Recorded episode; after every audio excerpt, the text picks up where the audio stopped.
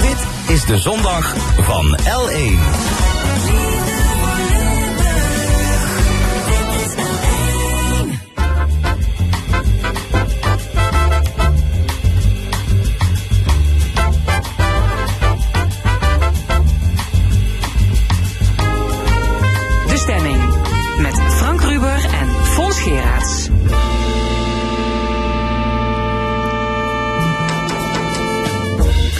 Welkom bij de stemming. Vandaag de volgende onderwerpen.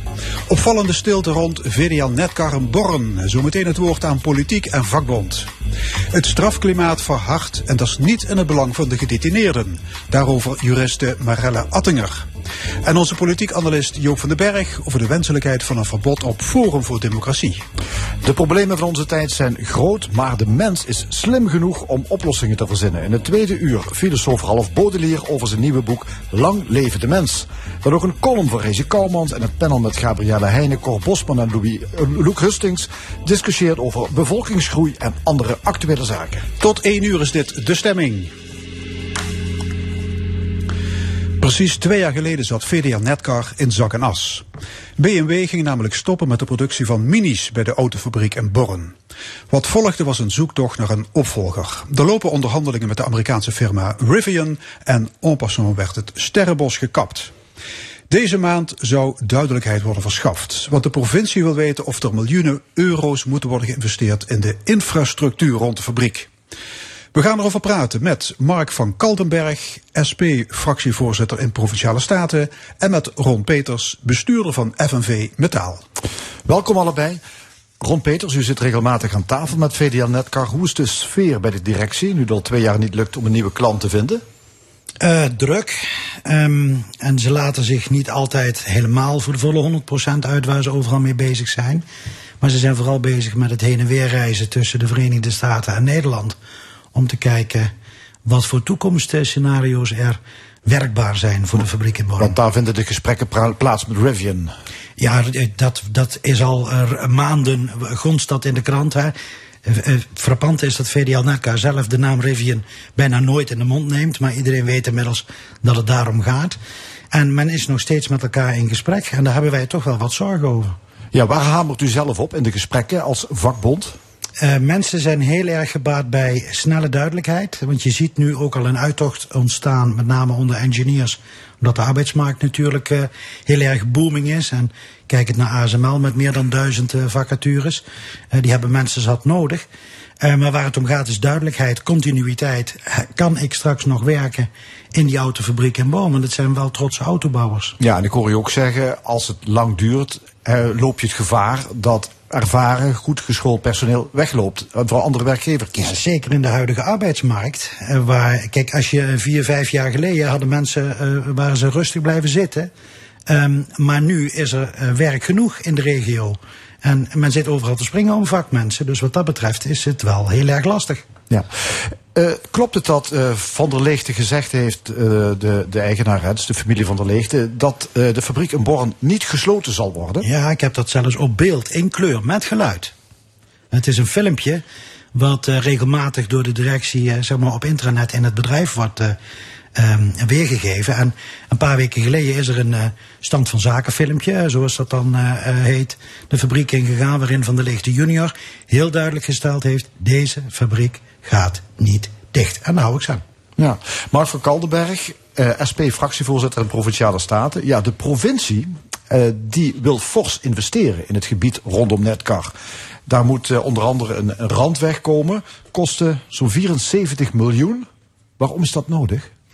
Um, dat is deels nodig voor uh, de doorstroming bij de A2 uh, te verbreden. Uh, op het moment dat de werknemers nu de fabriek verlaten, dan ontstaat daar rondom de Graaf van Rogenweg ontstaat heel veel files. de Huub van Doornweg, sorry moet ik zeggen.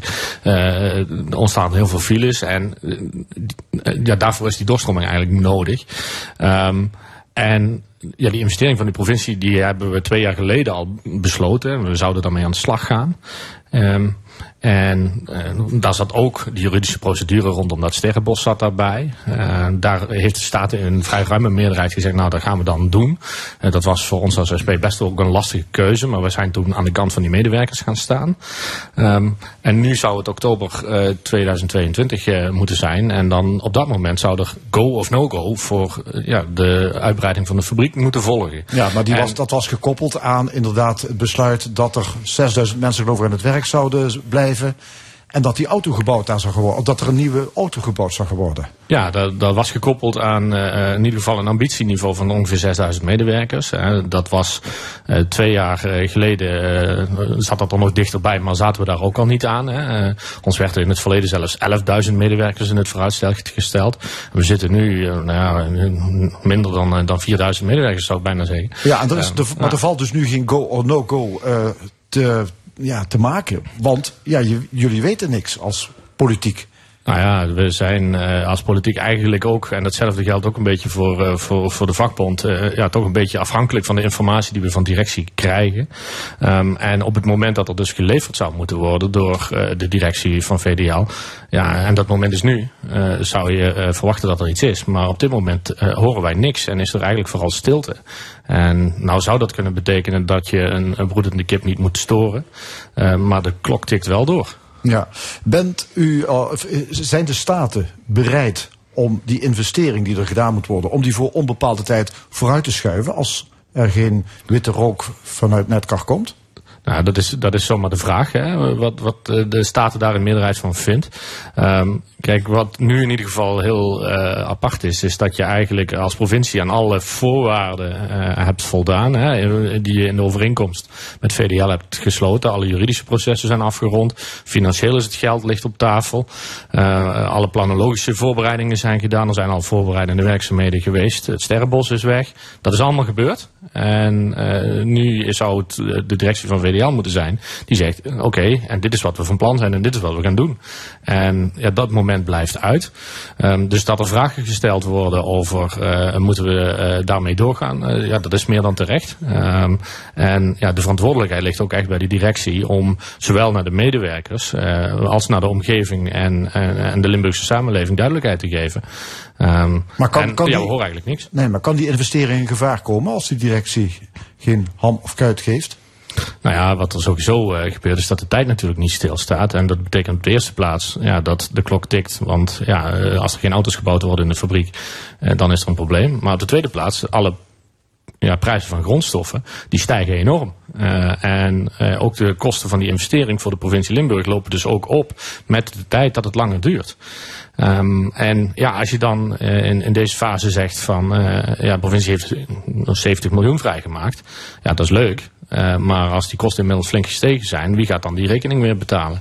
En dan komt er een moment dat de provincie ook opnieuw moet gaan onderhandelen met de directie van VDL Netcar over wie die rekening gaat betalen. En ja, de vraag is wat dat dan weer betekent. Ja. Maakt u zich zorgen, meneer Peters, over de toekomst van Netcar? Ja, ik maak mij wel degelijk zorgen over de toekomst van Netcar. De vraag is, blijven wij daar straks auto's bouwen of gaan we andere dingen doen? Ik heb vorige week tegen de directie gezegd, waar het ons om gaat is behoud van werkgelegenheid, maar ook kwalitatieve werkgelegenheid. Want dozen in elkaar zetten kunnen we overal. En hoef je ook geen investering van 70 miljoen voor op tafel te leggen als provincie. Het zijn trotse autobouwers en dat wil ik graag zo houden. En ik zou daar toch wel heel snel wat meer duidelijkheid over willen hebben. Ja, in februari is uh, het Sterrenbos, hè, dat werd al genoemd, dat is gekapt na heel veel protesten. Mensen die ook in, uh, zich in de, in de bomen hadden vastgeklemd. Dat lijkt, als je dit allemaal hoort, het lijkt eigenlijk wel volwaardig geweest. Ja, dat is niet helemaal waar. Want de, de, ondertussen stond de wereld natuurlijk niet stil. We hebben te maken gekregen met een maatregel die in Amerika is afgekondigd, hè, de Inflation Reduction Act, waardoor de Amerikaanse overheid Amerikaanse autobouwers zwaar subsidieert voor het kopen van daar geproduceerde auto's. Dat heeft Rivian wat kopschuw gemaakt. Uh, de top uh, bij Rivian, die de financiële topman verloor, waar ondertussen iemand van Magna uit Oostenrijk, ook een grote autobouwer, eh, daar in dienst is gekomen. En ondertussen was er eh, een meneer uit Moskou die in de Oekraïne allerlei gekke dingen ging doen, waardoor kabelbomen niet geleverd konden worden. Dus daar kwamen wel heel veel verkeerde dingen op hetzelfde moment bij elkaar. En het is ook gewoon grote pech geweest. Ja, ja u zit, u zit uh, aan tafel vaker met de directie van Netcar. Mag, mag u, ik denk, u mag ook heel veel dus niet vertellen als vakbond. Nee, dat doe ik dan ook niet. Nee. Dus ik let ook altijd heel goed op wat ik wel en wat ik niet zeg. Ja, wat, wat mag u niet vertellen? Uh, nee, ja, dat is nou precies een ja. onderwerp waar ik niet over mag praten. Ja, maar u mag, niet, u mag de naam Rivian, u zegt, die wordt bijvoorbeeld door Netcar niet genoemd. Nee, wordt door Netcar zelf niet nee. genoemd, maar ondertussen staan de kranten er vol van. De directie ontkent het ook helemaal niet meer. Hè, dat er, hè, Canoe is ook nog een tijdje in ja, beeld maar die zijn al, die zijn al afgeschreven. Dat is allemaal uit beeld. We weten allemaal dat het om Rivian gaat. Dat is een publiek geheim. Um, maar dit, dat de directie van uh, Netcar zich een beetje daar in nevelen hult, dat, daar kan ik me van alles bij voorstellen. Ja, Rivian, dat is een uh, Amerikaanse autofabrikant. Uh, die maken elektrische auto's. Ja. Ja, is, is het echt een serieuze partij? Nou ja, het blijkt dat ze nu net een, een grote joint venture met Mercedes zijn aangegaan. Waarin ze net over de Duitse grens in Polen kleine um, uh, ja, bestelautootjes uh, gaan maken. Dus het feit dat Rivian vaste grond aan de uh, vaste grond aan de voet wil krijgen in Europa. Dat is wel serieus. Ja, maar van de andere kant, Rivian heeft het in de Verenigde Staten moeilijk. U zei het al. Uh, de koers die daalde bijvoorbeeld aan terugroepacties van auto's. Want er zat een schroefje niet goed, kon gevaar opleveren. Nou ja, dat zijn dan uh, problemen die je meteen merkt aan, aan de koers. Er zijn ook problemen met de nieuwbouw van fabrieken, begrijp ik, met de uitbreiding. Hoe logisch is dan dat Rivian als in Amerika als ze daar al problemen hebben in hun eigen land, dan ook nog eens een grote investering hier in Born gaat doen. Ja, dat is een beetje koffiedik kijken. Waar, waar, ik een beetje op afga, is de cijfers die Rivian ieder jaar produceert. En ze hebben op de beurs onnoemelijk veel geld opgehaald. Kijk, en VDL Netcar is natuurlijk zelf ook een gezonde partner. VDL is een gezonde partner. Het is geen klein bier wat, uh, wat daar auto's bouwt, maar wat, waar zij last van hebben. Daarom gaan er ook regelmatig engineers van Netcar naar Amerika. Is uh, kennis en know-how. En zij groeien daar explosief. En daar hebben ze die autobouwen hier in Nederland. Want hier, zit, hier wordt echt vakwerk geleverd. Hebben ze echt nodig. Ja, maar de, de productie in Amerika die zakte al van 45.000 naar 25.000 auto's. Dan denk ik, ja, dan heb je dus in Amerika nog capaciteit genoeg om auto's te bouwen in die fabrieken. Ja, alleen aan de know-how ontbreekt het, zo, uh, zo blijkt. Ja, ja. Um, ik heb trouwens begrepen dat het zeker een tijdje geleden, toen het nog heel goed ging met Rivian, dat ze Netcar wilden kopen. Ik hoor het u zeggen. Dat is een van die onderwerpen waar u niet over mag praten. Nee, dat zijn, dat zijn dingen die hoor je in de markt. En er wordt heel veel uh, gekletst. En ik, natuurlijk denk ik dat, of ja, weet ik, dat er vele scenario's op tafel liggen. En deze is er eentje van. Alleen als je dan wordt ingehaald door de, de werkelijkheid, door de feiten en uh, je onderuit gaat op de beurs, je financiële topman verliest met Inflation Reduction Act, dat je dan je zeilen moet bijzetten. Maar ik heb ook begrepen dat er uh, afgelopen januari, februari, dat ze heel dicht bij een handtekening waren. En dat is uiteindelijk op niets uitgelopen. En dat is nu van de baan? Uh, nee, want men spreekt nog steeds met elkaar. Dus het is nog, we hebben nog steeds niet het signaal gekregen, wij zijn uitgepraat met elkaar. En zolang ze met elkaar in gesprek zijn, hou ik daar aan vast. Ja. Zou, zou dat iets uitmaken voor, uh, voor Limburg? Of uh, als Rivian de fabriek zou kopen, Netcar? Mark van Kaldenberg? SP? Uh, um, nou, dat ligt er een beetje aan. Um, uh, het ligt er ook een beetje vooral aan welke voorwaarden daar dan aan verbonden zijn. Kijk, op het moment dat je allerlei belastingvoordelen of zo gaat afspreken, op het moment dat je allerlei zaken gaat doen, ja, dan is de vraag zeg maar wat er voor die Limburgse medewerkers nog overblijft, um, wat er voor die Nederlandse samenleving overblijft. maar tegelijkertijd kan het ook een vooruitgang betekenen dat je een, nieuwe werkgever hebt die misschien wel gaat investeren in zijn personeel. Ja, ja. ja. Het, is wel, is, het is wel zo dat de toekomst van Netcar, die zit hem in elektrische auto's. Is dat... Uh... Ja, de toekomst van de complete auto-industrie uh, zit in uh, elektra, misschien wel waterstof.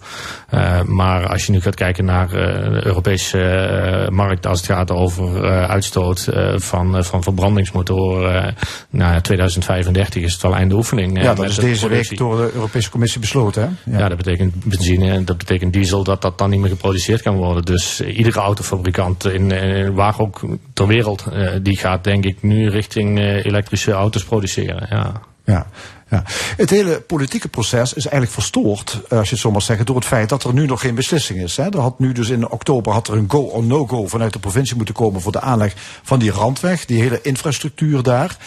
Um, ja, Netcar, het, blijft dus stil. Uh, zorgen over de toekomst. Uh, wat betekent dit voor het proces rondom de aanleg van die weg? Want je kunt natuurlijk niet blijven wachten. Uh, de, de, vraag is of je niet kunt blijven wachten. Maar het is op dit moment wel, ja, het moment dat we de afspraak met elkaar hadden, dat we zouden gaan beslissen, gaan we er wel voor of gaan we er niet voor. En er zijn allerlei omstandigheden geweest in de wereld waardoor, zeg maar, er wat tegenslagen op de weg zijn geweest. Um, tegelijkertijd zorgt dat er ook voor dat er weer nieuwe uitdagingen bij zijn gekomen. En nou ja, daar moet de politiek het over hebben met elkaar. maar daarvoor is VDL ook wel een belangrijke gesprekspartner. En het feit dat VDL eigenlijk ja, al sinds voor de zomer niet meer echt aan tafel zit uh, met provinciale staten, ja, dat is, dat is wel uh, een probleem. Ja. wat je zou juist. Zorg, zorg dus. Zeker, zeker. Ja. We maken ons wel zorgen. enerzijds omdat het moment dat BMW definitief zeg maar de fabriek verlaat dichterbij komt. en anderzijds ook omdat de prijzen gewoon blijven stijgen van, van die investering. En ja, ook de provincie heeft niet zonder einde uh, een geldbom. Nee, nee, sterker nog, dat moet straks uh, behoorlijk, uh, het gaat behoorlijk krimpen, het budget. Ron Peters van FNV Metaal. Netcar kan ook heel iets anders gaan doen. Hè? Er is ook al over op, ge, op gehind. bijvoorbeeld dat, dat er geen auto's meer gebouwd worden, maar heel iets anders. Zou dat goede oplossing kunnen zijn voor de continuïteit? Dat zou kunnen. De vraag is dan alleen even wat. ik heb afgelopen week bij de directie wel aangedrongen op het feit dat ik graag kwalitatief goede arbeid wil. Ja, Van der Leegte had het over de opzet van een centrum voor mobiliteit en innovatie. Wat, ja. wat is dat? Ja, alles wat met automotive te maken heeft. Dus, accu's bouwen bijvoorbeeld. Uh, batterijen, accu's, zonnecellen, uh, verzin het allemaal maar. Um, en dat is ook wat ik van belang vind, is dat je zo dicht mogelijk bij je oorspronkelijke core business blijft. Je hebt hier te maken met trotse autobouwers. En die willen graag iets doen in de automotive sector. Hè? Ja. Ik heb straks gekscherend Begrijp ik, maar als het niet kan, is het dan een oplossing om te zeggen we gaan accu's, batterijen maken? Uh, ja, want ik vind uh, dat het werken gewoon dagdagelijks vijf dagen in de week met een fatsoenlijk inkomen nog steeds geprefileerd wordt boven uh, een sluiting van de fabriek en mensen in de werkloosheid terechtkomen. Ja, alleen de vraag is dan, blijft dat hoogwaardige werkgelegenheid voor vijf of zesduizend mensen? Ja, dat is de, dat is de vraag. Ja. Wanneer uh, zal Netcar een nieuwe afnemer gaan presenteren? Ik heb geen flauwe notie. Uh, er wordt al maanden uh, gesproken over en weer en er wordt strategisch nagedacht. Ik heb vorige week, nee, ik moet correct zijn, twee weken geleden tegen de directie gezegd: zorg nou dat je voor de kerst van dit jaar naar je mensen duidelijkheid hebt. En daar hebben ze een goede notitie van gemaakt. Want ondertussen vertrekken er mensen. Hè? Ja. Dat is ook een, eh, iets wat ik op tafel gelegd heb. Van zorg nou dat je vakmensen vasthoudt. Als je straks inderdaad auto's gaat bouwen, heb je vakmensen nodig. Dank jullie wel. Ron Peters van FNV Metaal en Mark van Kaldenberg van de SP. Graag gedaan. Vorig jaar is de wet straffen en beschermen in werking getreden. En die pakt niet bepaald gunstig uit voor gedetineerden. Die worden nog langer buiten de samenleving gehouden. Daarover zo meteen juriste Marelle Attinger. Eerst de Pointer Sisters.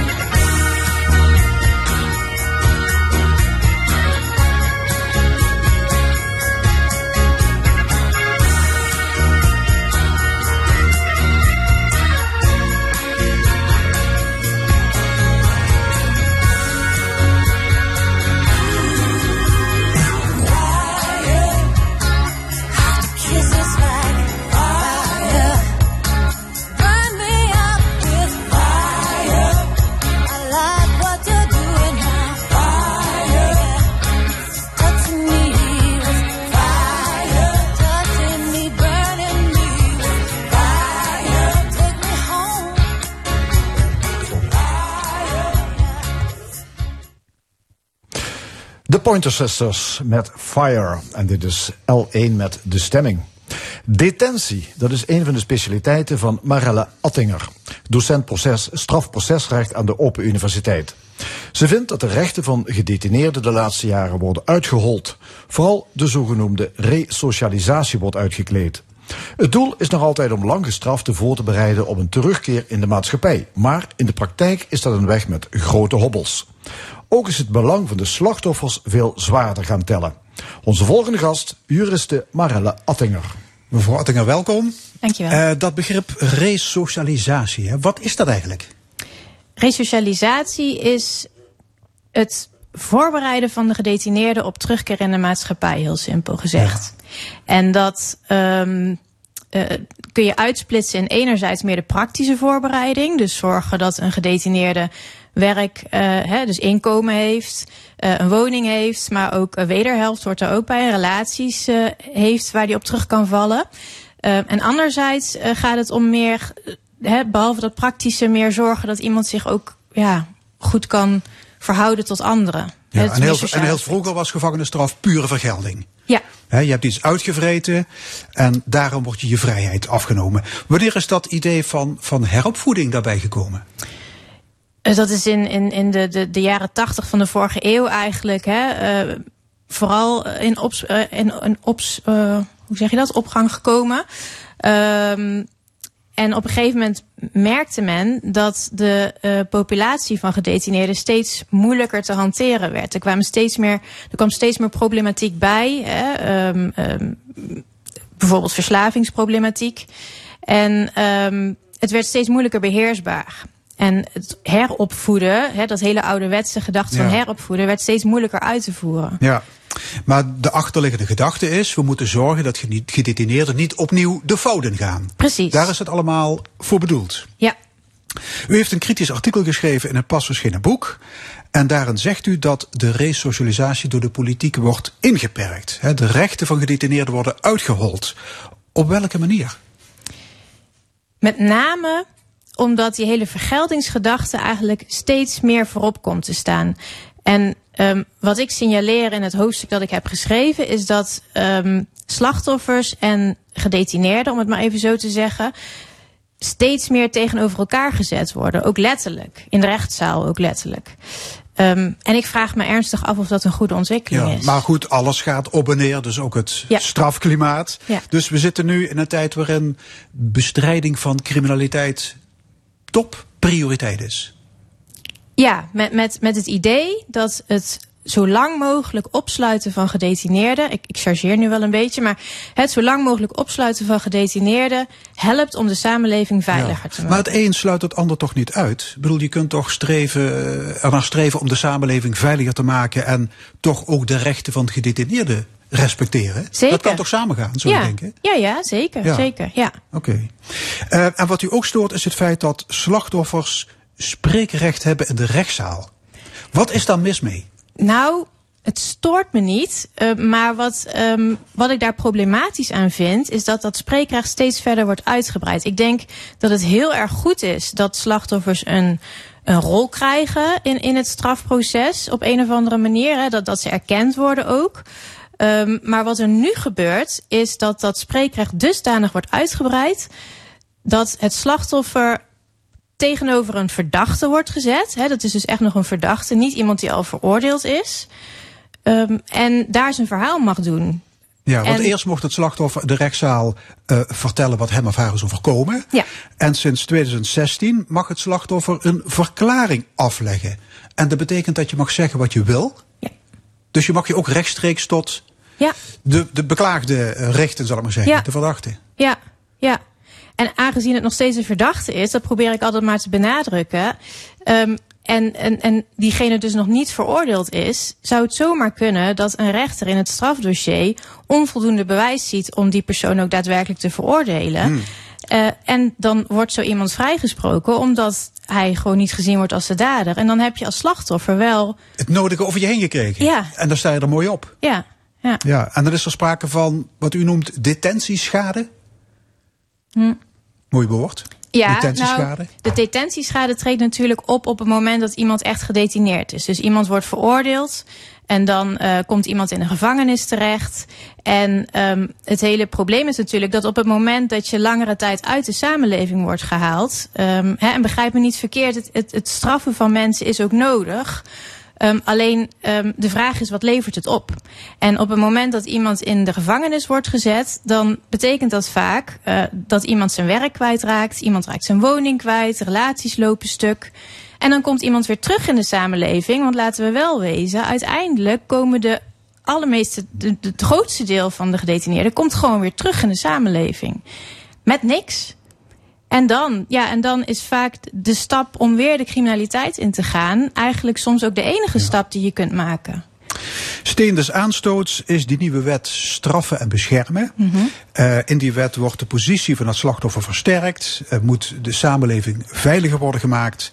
Maar de gedetineerden zijn dus het kind van de rekening. Ja, zo zou je het komen er wel het kunnen minst, het zeggen. minst goed vanaf. Ja, en, en, en um, ik kan me voorstellen dat, dat, dat men nu denkt van ja, maar goed, die mensen hebben iets misdaan, dus die moeten daarvoor gestraft worden. Um, hè, nogmaals, daar ben ik het zeker mee eens. Um, maar de vraag is, wat levert het ons als samenleving uiteindelijk op? Hè? Als we mensen opsluiten en vaak hè, maar 11% van, van de gedetineerden zit langer dan één jaar vast.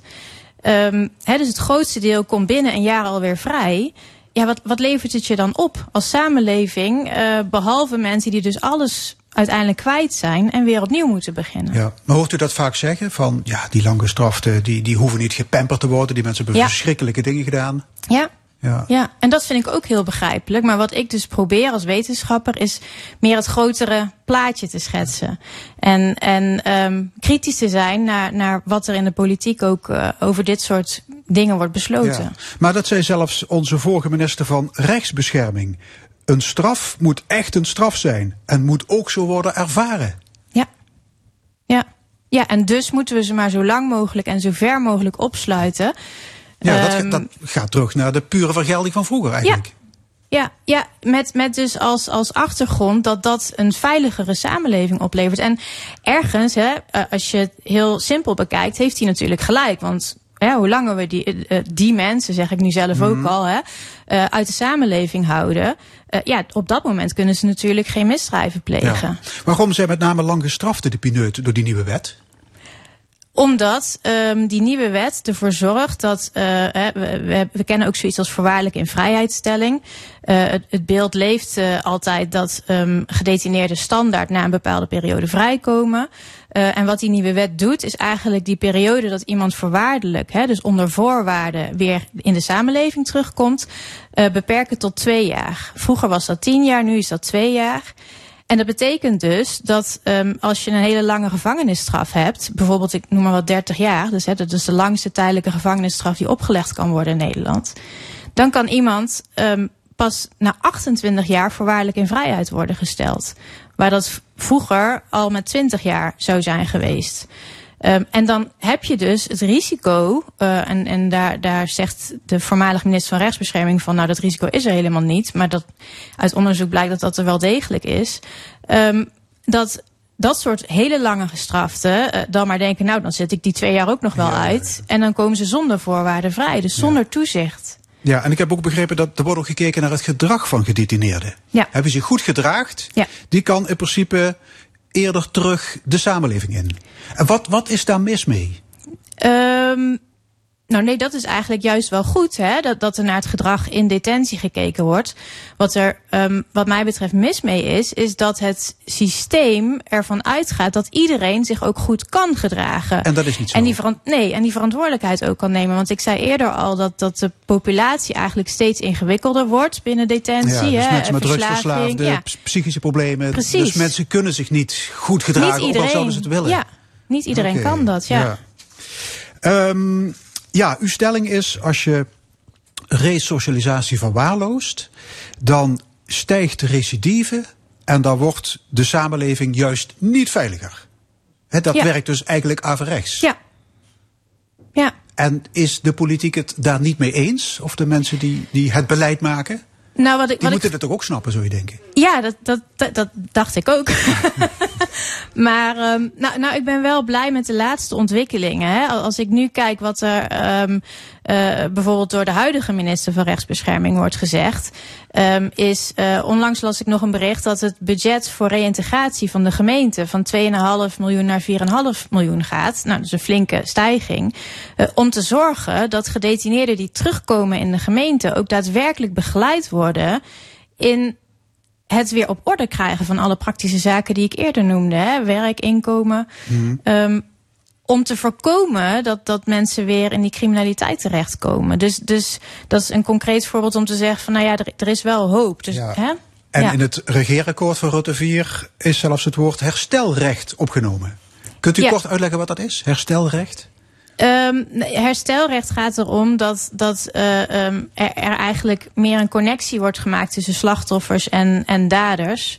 Ehm, en, en het herstelrecht benadrukt ook echt dat daders en slachtoffers ook allemaal onderdeel uitmaken van dezelfde samenleving. En dat het dus totaal ehm, eh, ja, contraproductief is eigenlijk als je, daar, eh, als je dat heel erg uit elkaar gaat trekken. Als je gaat zeggen dat die twee rechten tegenover elkaar staan. U schrijft in uw stuk ook over eh, de situatie in Noorwegen. Ja. Ehm, daar heb je in sommige gevangenen geen cellen, geen tralies. Bewakers die eten samen met de gevangenen. Het is moeilijk om personeel en criminelen uit elkaar te houden. Ja. Eh, want het leven binnen moet zoveel mogelijk lijken op het leven buiten. Ja. Werkt die aanpak? Ja. Ja, blijkbaar wel. In, eh, in, hè, want want eh, dat zei u in het begin ook. Hè, het idee van resocialisatie is zorgen dat zo min mogelijk criminelen weer opnieuw hè, de, de criminaliteit in, ingaan. Of zo min mogelijk eh, gedetineerden, moet ik zeggen. Ehm, eh, hè, dat noemen we dan recidive. En de recidivecijfers in Noorwegen zijn een stuk lager dan in Nederland. In, in Noorwegen ligt dat rond de 20% in Nederland rond 50. Dus mensen gaan aanmerkelijk minder vaak opnieuw de fout in. Ja, Oké. Ja. Ja, het, het klinkt te mooi om waar te zijn. Ja, ja. Ja, het, het nadeel is natuurlijk dat het veel duurder is, zo'n systeem. Het, het gevangenispersoneel moet op een andere manier opgeleid worden. Eh, eh, eh, je, je hebt ook meer gevangenispersoneel nodig natuurlijk. Hè, omdat, omdat je ook echt een, een duurzame relatie met die gedetineerden aan moet gaan. Ehm, dus het systeem op zich is duurder. Ehm, alleen aan het eind levert het zoveel meer op Dat het weer dat gunstiger is voor ja, de samenleving. Alleen het is lange termijn denken. Ja. En dat, ehm, ja, durf ik wel te zeggen, is in de politiek soms eh, niet aan de hand, zeg ja, maar. moet, moet ons gevangeniswezen ook op die tour? Zouden we eens kunnen beginnen met een experiment? Ja, nou, er gebeuren al, eh, er is al wel wat aan de gang. Eh, bijvoorbeeld een organisatie als Rescaled, ehm, eh, daar, heb ik van alles ook over gelezen. Het is een Europese beweging die ervoor pleit dat we kleinere detentiehuizen moeten gaan maken die in de samenleving ook echt staan. Om te zorgen dat die gedetineerden niet zo buiten de samenleving worden gezet. Want uiteindelijk ehm, hè, moeten we niet vergeten dat de- de stap naar criminaliteit is soms heel klein. Ehm, en en eh, in principe kan het iedereen overkomen. Ja, is dat zo? Ja. Ja, en, nou ja, zeker nu. Ik bedoel, alle rekeningen lopen op. Mensen komen steeds eh, dieper in de problemen Dan doe je terecht. makkelijker een greep in de kassa. ergens. Ehm, nou ja, bijvoorbeeld. Of hè, het, het, het is allemaal. eh, wat, wat in het nieuws komt, zijn echt hele erge ehm, eh, strafbare feiten. Hè? Moord, doodslag, dat soort zaken. En ja, maar goed, ja. aan de andere kant geen cellen, geen tralies. Ik heb de indruk dat daar weinig maatschappelijk draagvlak voor is. ja, ja, dat vrees ik ook. Dus er, er zal ook wel echt een. ja, wat dat betreft echt een verandering moeten komen. Ja. Oké, Marelle Attinger, docent strafprocesrecht aan de Open Universiteit, hartelijk dank. En uw artikel is te vinden in het zo pas verschenen boek Cohesie en Polarisatie in de Stad. Dankjewel. Ja. Politiek analist Joop van den Berg die vertelt zometeen welke mogelijkheden er zijn om parlementariërs aan te pakken in de Tweede Kamer die over de schreef gaan. Maar eerst Michel Polnareff met zijn hit Love Me, Please Love Me uit 1966.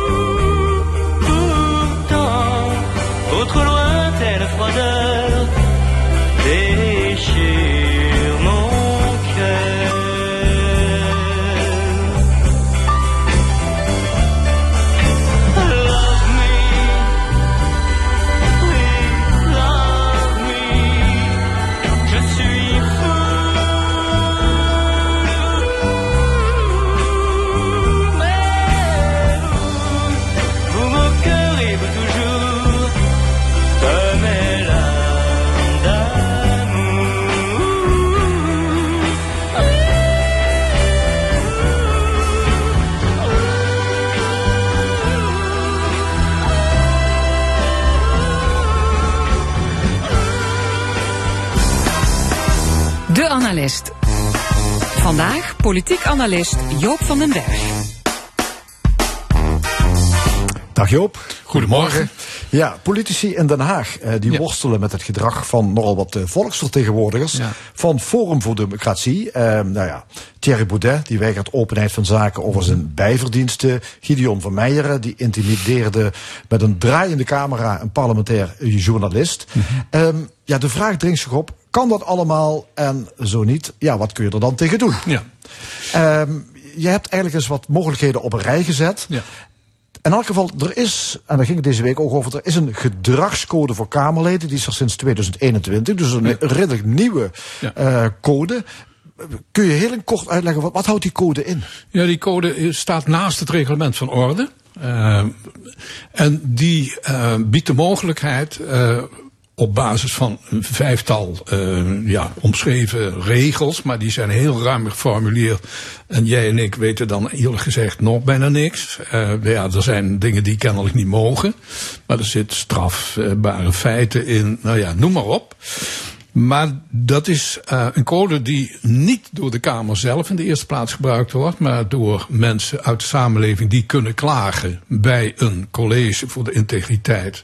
Dat bestaat uit niet-Kamerleden, uh, maar die zijn wel met de Kamer verbonden. en uh, die moeten daarover oordelen. Ja, en dat is ook gebeurd hè, deze Ja, week, of ja, vorige ja, week dus was eerder dat. eh, ook met de berisping al gebeurd. Dus dan komt zo'n, eh, eh, hoe heet het, eh, college heet het dan, komt met een advies aan de Kamer. Uh, en de Kamer kan niks anders doen dan ja of nee zeggen. Ze mag dat advies niet amenderen. Zoals ze zou zeggen, nou, nou, nou is wel een beetje zwaar. Ja. Uh, dan kan ze er dus niks Ja, meer ja. aan doen. Hè? En, en Thierry Baudet is toen bijvoorbeeld eh, is voor geloof ik zeven dagen geschorst. Ja, dat was de, de, de laatste. En het maximum is 30 dagen. Ja. Eh, want ehm die code kent drie sancties. De aanwijzing, dus eh, de Kamer kan iemand een aanwijzing geven. U moet zich voortaan zo gedragen. Ja, dat is een berisping, zeg Ja, maar. ja, de berisping is weer apart. Want dan krijg je eh, met de vinger omhoog. Hè. Het deugt niet wat u doet. En de laatste is inderdaad schorsing. Ja. Eh, voor dat- maximaal 30 dagen. ja, en dan? En dan is het over. Want uh, stel dat uh, Thierry Baudet nu zou zeggen: ja, je kan me nog uh, lang genoeg daar, hoe heet het, schorsen, maar ik, ik kom dus niet aan jullie eisen tegemoet.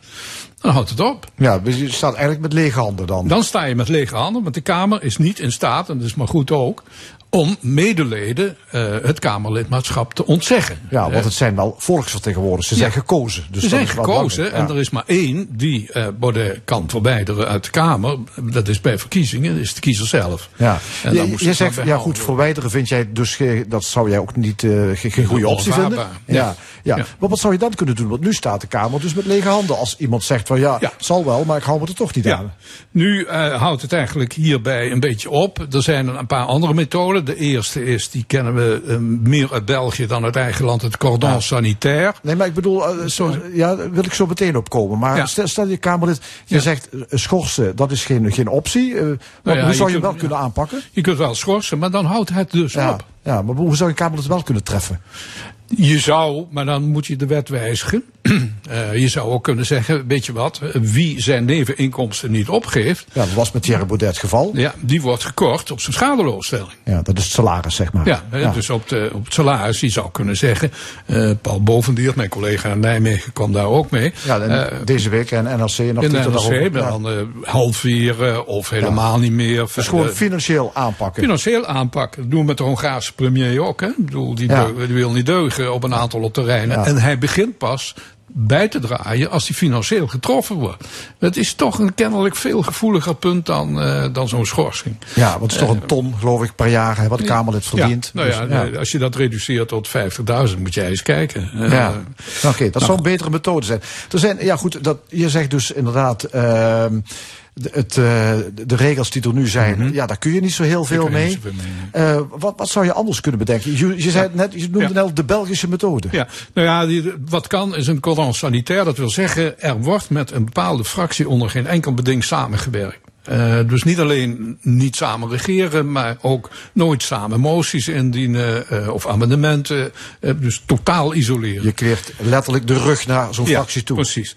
En dat is in Nederland eigenlijk nooit in die consequente vorm gebeurd. Bij de CPN leek het er een beetje op vlak na de oorlog. En voor de oorlog bij de NSB, maar dan had je het ook wel gehad. Ehm, en dan nog eh, kon er wel voorgestemd worden. Maar goed, ehm, verder hebben we dat in Nederland eigenlijk nooit gedaan. En bij de PVV is het wel eens eh, ter sprake gekomen.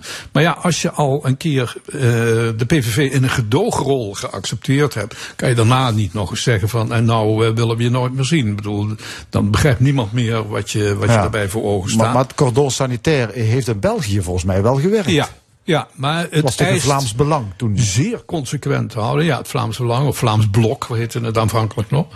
Eh, en je moet er jaren in volharden.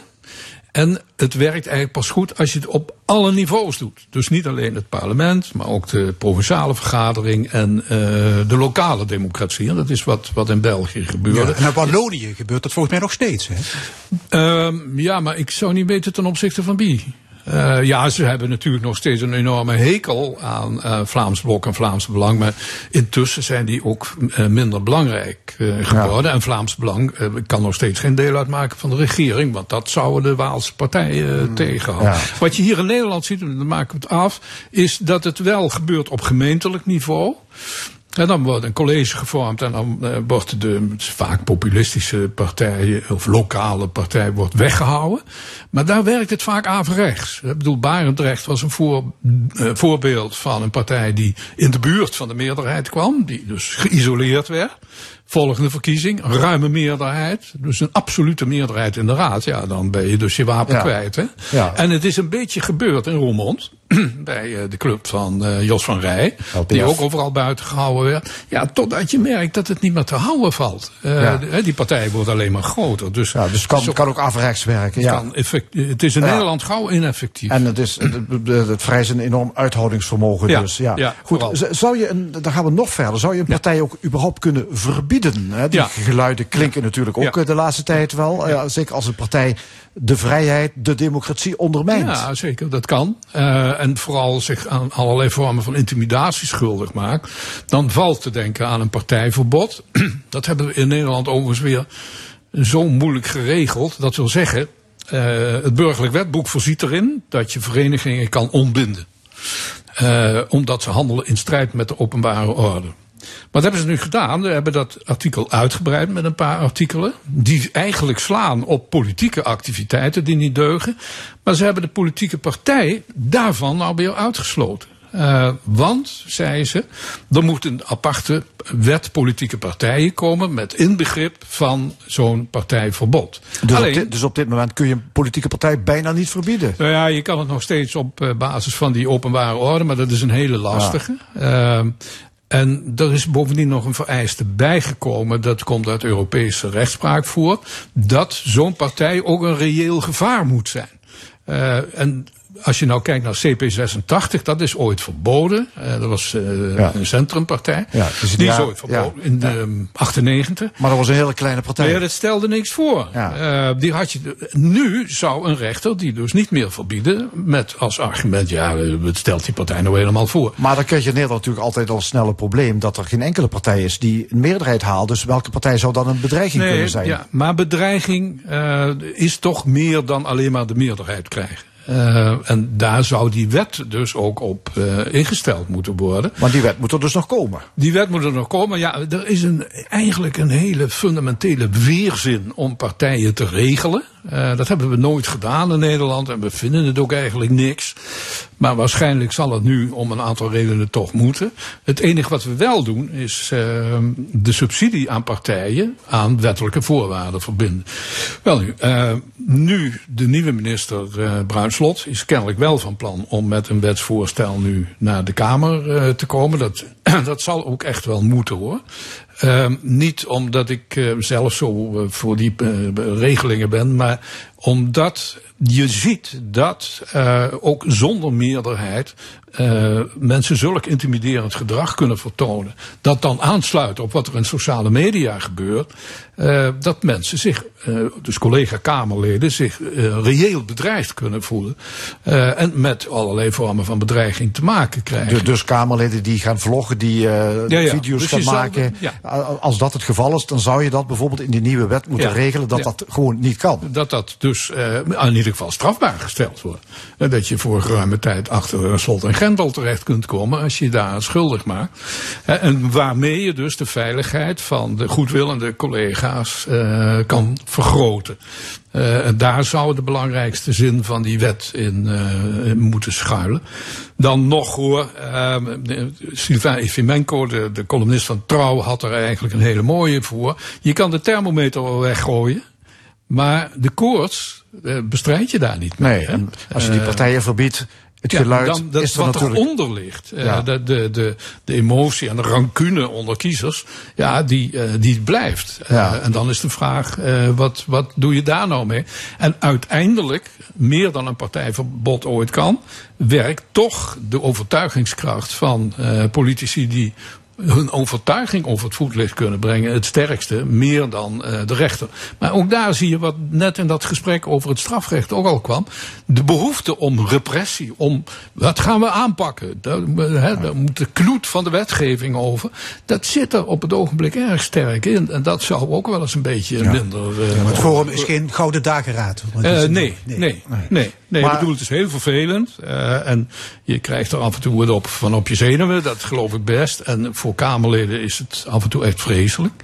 Maar eh, dan nog denk ik, eh, de, de, het partijverbod is daar waarschijnlijk toch niet het meest adequate middel. Het meest eenvoudige middel dat we hebben is een Kamerlid het woord ontnemen als hij zich in de Kamer misdraagt. Daar hebben we dus een goede Kamervoorzitter voor nodig. Precies. Ja. En daar, eh, maar dat is het, het simpelste middel. En dat kan gewoon nu direct, En dat kan, nu, altijd. Het is ook het meest effectief.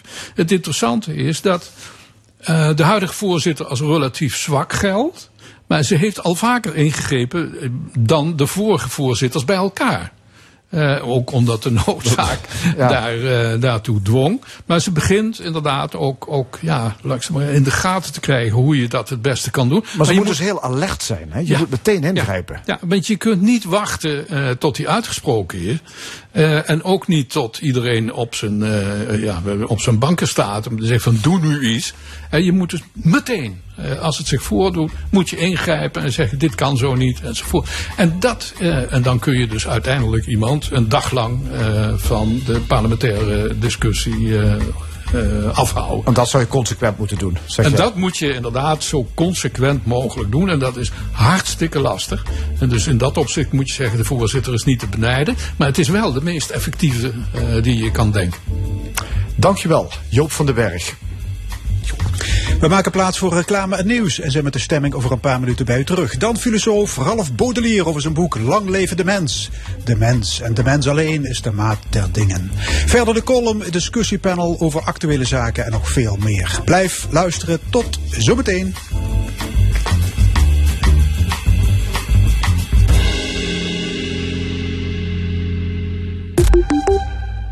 Van mini-tractoren tot grondverzetmachines, hoogwerkers en verrijkers. Met Bosmans Machines wordt je werk makkelijker.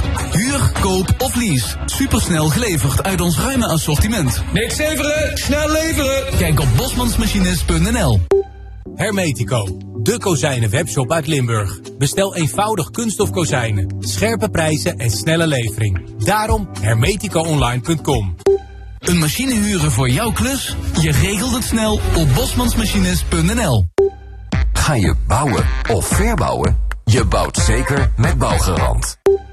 Kon je maar met je ogen open slapen? Kom kijken naar de mooiste boksprings van Alping. Ze zijn nu verkrijgbaar met hersvoordeel. En wat ook mooi is, dat voordeel geldt ook op alle Alping matrassen.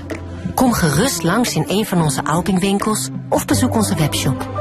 Alping, met liefde. Met een Bouwgarant-aannemer zit je altijd goed. Want dan kies je voor gediplomeerd betrouwbaar vakmanschap. Bouw zeker met Bouwgarant. Stel, je komt op een dag toch wel heel erg moeilijk uit die luie stoel. Op zo'n moment dat jij jezelf tegenkomt, is het fijn dat je Vegro weet te vinden. Zodat we samen op zoek kunnen naar een oplossing. Vegro, de zorgwinkel van Nederland. Nou, ik ben eruit. Ik ga een elektrische Opel kopen. Oh, wat goed. Eh, Als je nou tot januari wacht, dan krijg je subsidie. Januari? Ja. Nee joh, ik wil hem nu. Dat is mooi, want bij Opel krijg je nu al Opel subsidie. 2950 euro op een nieuwe 100% elektrische Opel Mokka E. De topklasse in elektrisch rijden. Met een gedurfd design en 8 jaar garantie op de batterij. Opel, heel Holland elektrisch. Nu heel veel voordeel op alle sta-op stoelen. Kom proef zitten bij Vegro. Word nu Maasmechelen Village member en ontvang je persoonlijke code voor 20% korting op de outletprijs. Schrijf je nu in op maasmechelenvillage.com. De politie helpt altijd, maar kan het niet alleen. We zijn steeds meer afhankelijk van de ogen en oren van de burger. Help ook mee aan de veiligheid in jouw buurt. Download de Burgernet-app en help om Limburg veiliger te maken. Burgernet.nl Imperium Romanum. Het Romeinse Rijk door de lens van Alfred Zuiland. Nu in het Gallo-Romeins Museum in Tongeren. Dit is L1 met het nieuws van 12 uur. Marnix Ampersen met het NOS-journaal. De Oekraïnse graanexport over de Zwarte Zee ligt stil... nu Rusland zich heeft teruggetrokken uit de graandeal. Volgens het coördinatiecentrum in Turkije liggen meer dan 10 schepen te wachten... tot ze kunnen uitvaren.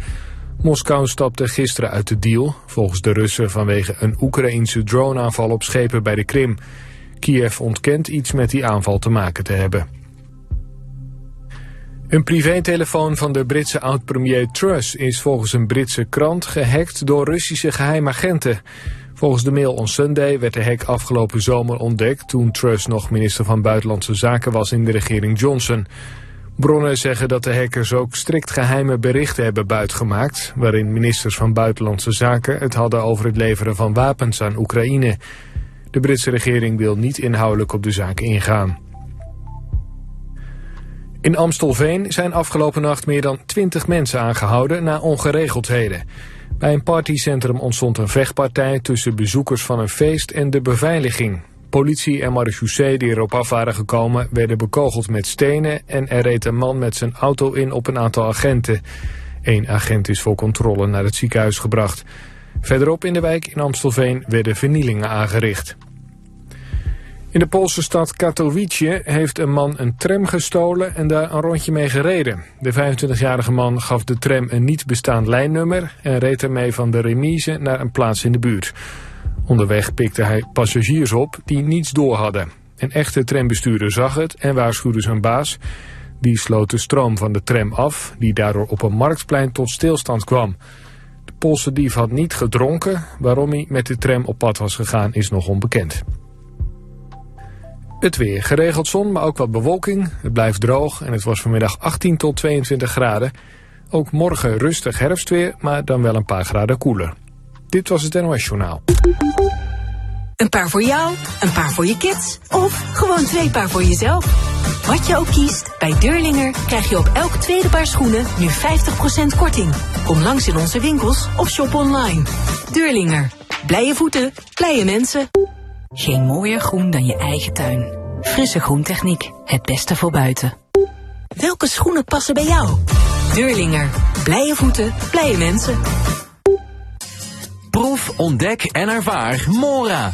Kijk je ogen uit tijdens jouw bezoek aan onze fabriek en ontmoet jouw toekomstige collega's. Meld je nu aan via werkenbijmora.nl. Het perfecte voorproefje op jouw nieuwe baan. Mystiek. Een tentoonstelling over rituelen, verstilling en extase. Met een opwindende mix van traditionele en hedendaagse kunst. Mystiek. Wat doet het met jou?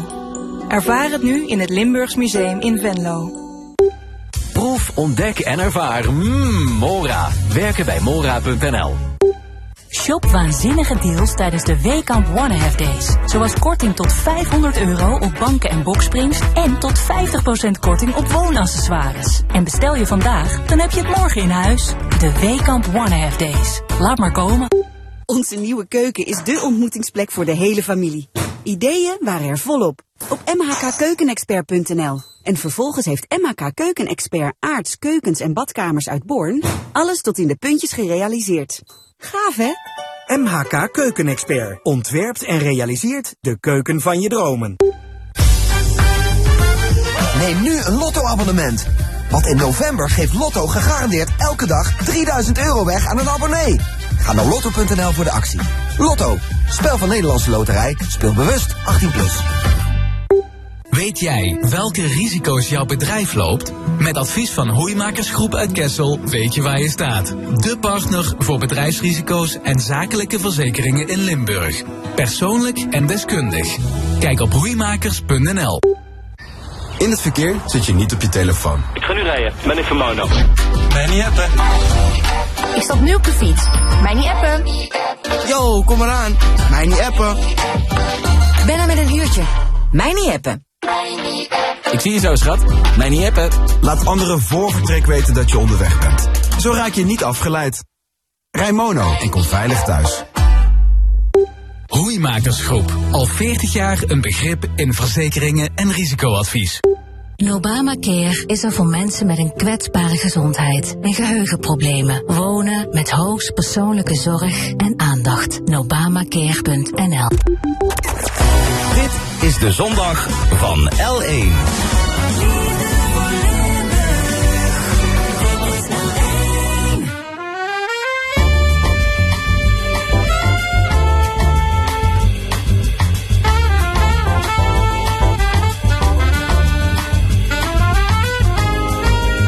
De stemming.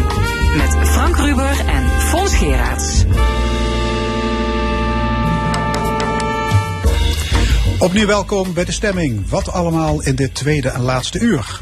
Straks het panel met Gabrielle Heijnen, Cor Bosman en Loek Hustings. En zij discussiëren over de groei van de bevolking en andere actuele zaken. Een column van comedienne Rezi Komans. Maar eerst, lang leven de mens. Dat is de titel van het nieuwe boek van filosoof en journalist Ralph Baudelaire. Ook ditmaal laat hij zich kennen als een onvervalste optimist.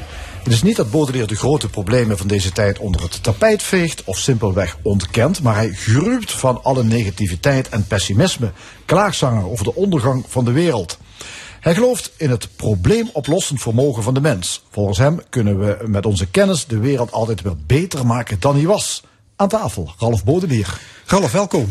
Daarvan, daarvan. Ehm, ja, alweer een lofzang op, eh, op de mens. Raak je nooit uitgeschreven over dit thema? Nou, dat is de eerste keer dat ik zo expliciet over dit uh, onderwerp uh, praat. Uh, in andere boeken gaat het meer over, ja, gaat het meer over het denken over een aantal thema's, over ontwikkelingssamenwerking, over milieu. Er zit wel altijd dit verhaal onder. Dat hebben jullie goed gezien meteen. Ja, ja, ja. Maar nu heb ik het vrij expliciet gemaakt deze keer. Ja, ja, ja.